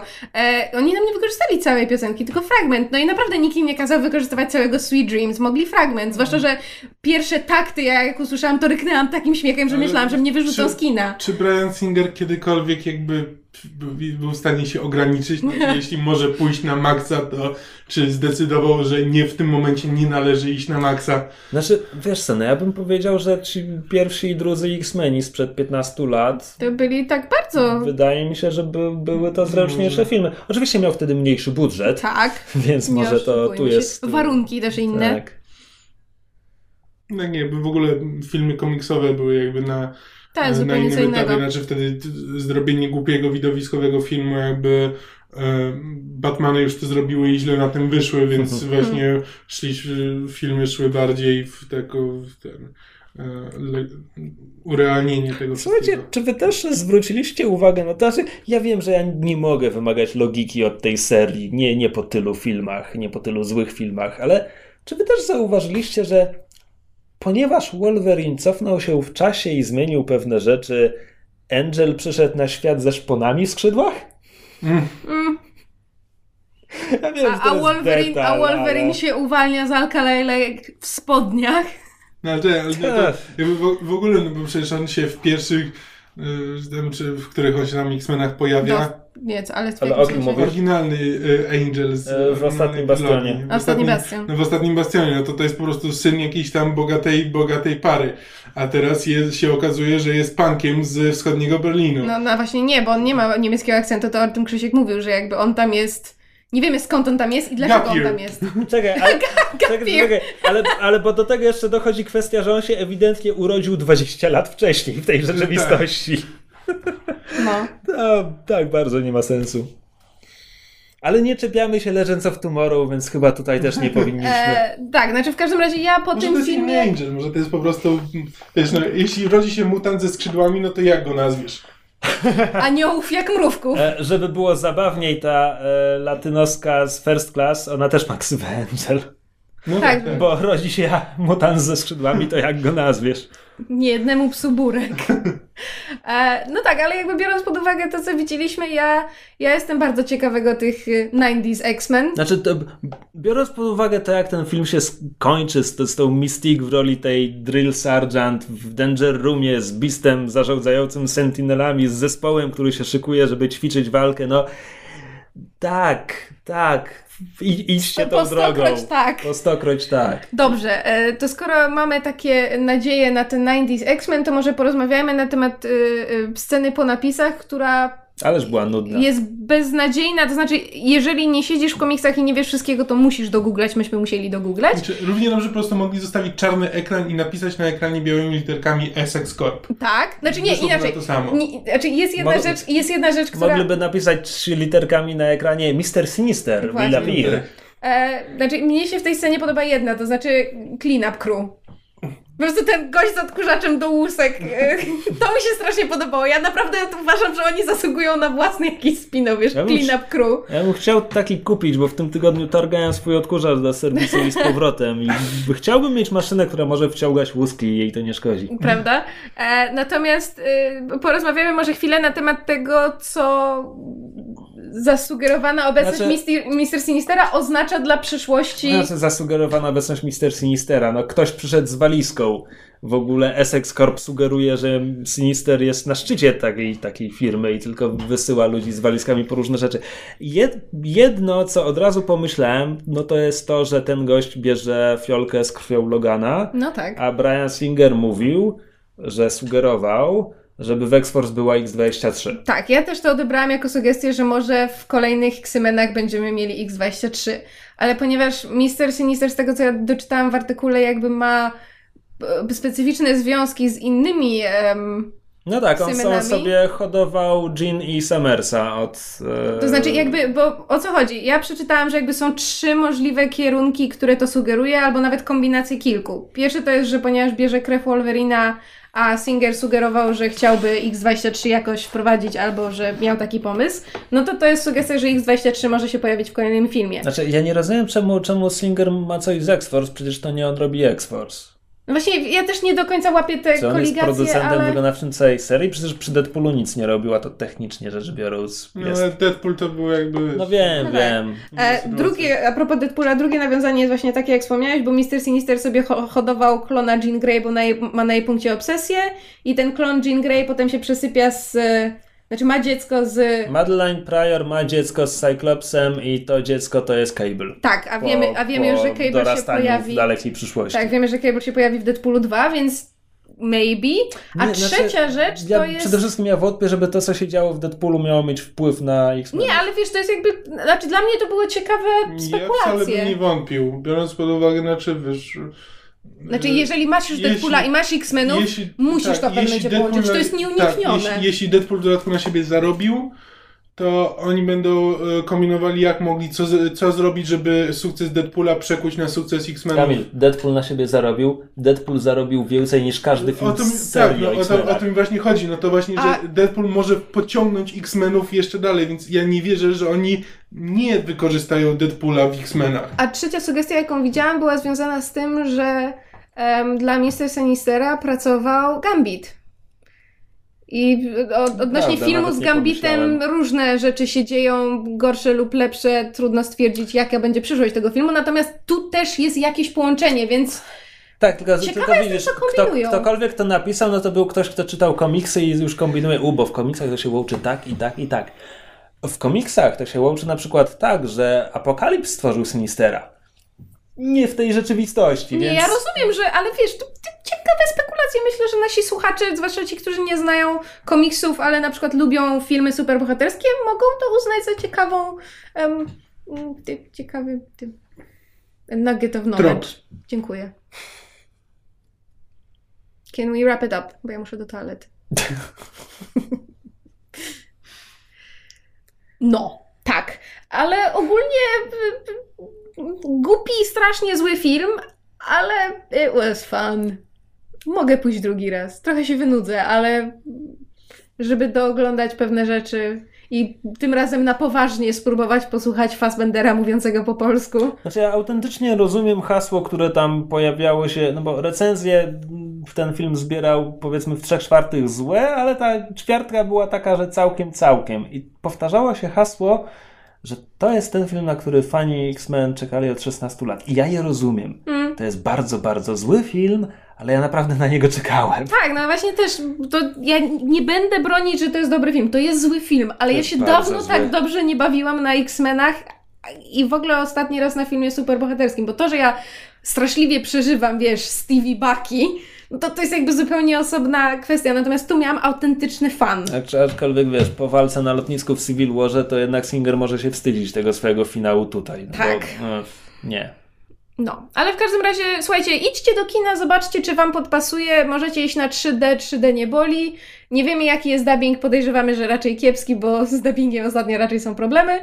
E, I dajcie nam znać, co sądziliście. Czy Wam się podobało, czy Wam się nie podobało, czy o czymś zapomnieliśmy wspomnieć. Słuchaj, czy oni w dubbingu dubbingowaliby również te kwestie, które i tak są po polsku? Uuu! Mam teraz wielką ochotę pójść. Nie zrobię tego, ale dobre pytanie. Jeżeli byliście na dubbingu i wiecie, znacie odpowiedź na pytanie Krzyśka, to dajcie nam znać. Znaczy, przynajmniej Magneto musieliby, bo inaczej byłoby dziwne, gdyby nagle... Fasio mówił swoim głosem. Tak. No. E, ciekawe, czy by tak samo sztywno grali, dopinkując Fasia. Henryku, nie rób tego. Cio. E, dziękujemy Wam za uwagę. To tyle w tym e, tygodniu. E, I Zachęcamy do pisania komentarzy na naszym fanpage'u facebookowym albo pod odcinkiem na myszmasz.pl. Możecie też nam pisać maile na myszmaszpodcast.gmail.com i gdybyście mieli taką fantazję, żeby zajrzeć na nasz profil na Patronite, patronite.pl ukośnik myszmasz, no to zajrzyjcie. będzie nam bardzo miło. E, I zgodnie z naszymi obietnicami. Why? Why did we do this? Do usłyszenia niewątpliwie w przyszłym tygodniu. Na razie. Hej. Słuchaliście podcastu Myszmasz. Możecie nas znaleźć na myszmasz.pl lub polubić nasz fanpage na Facebooku. Możecie nam także wysłać maila na myszmaszpodcast.gmail.com Jeśli do nas napiszecie, będziemy szczęśliwi jak rosomach na nartach.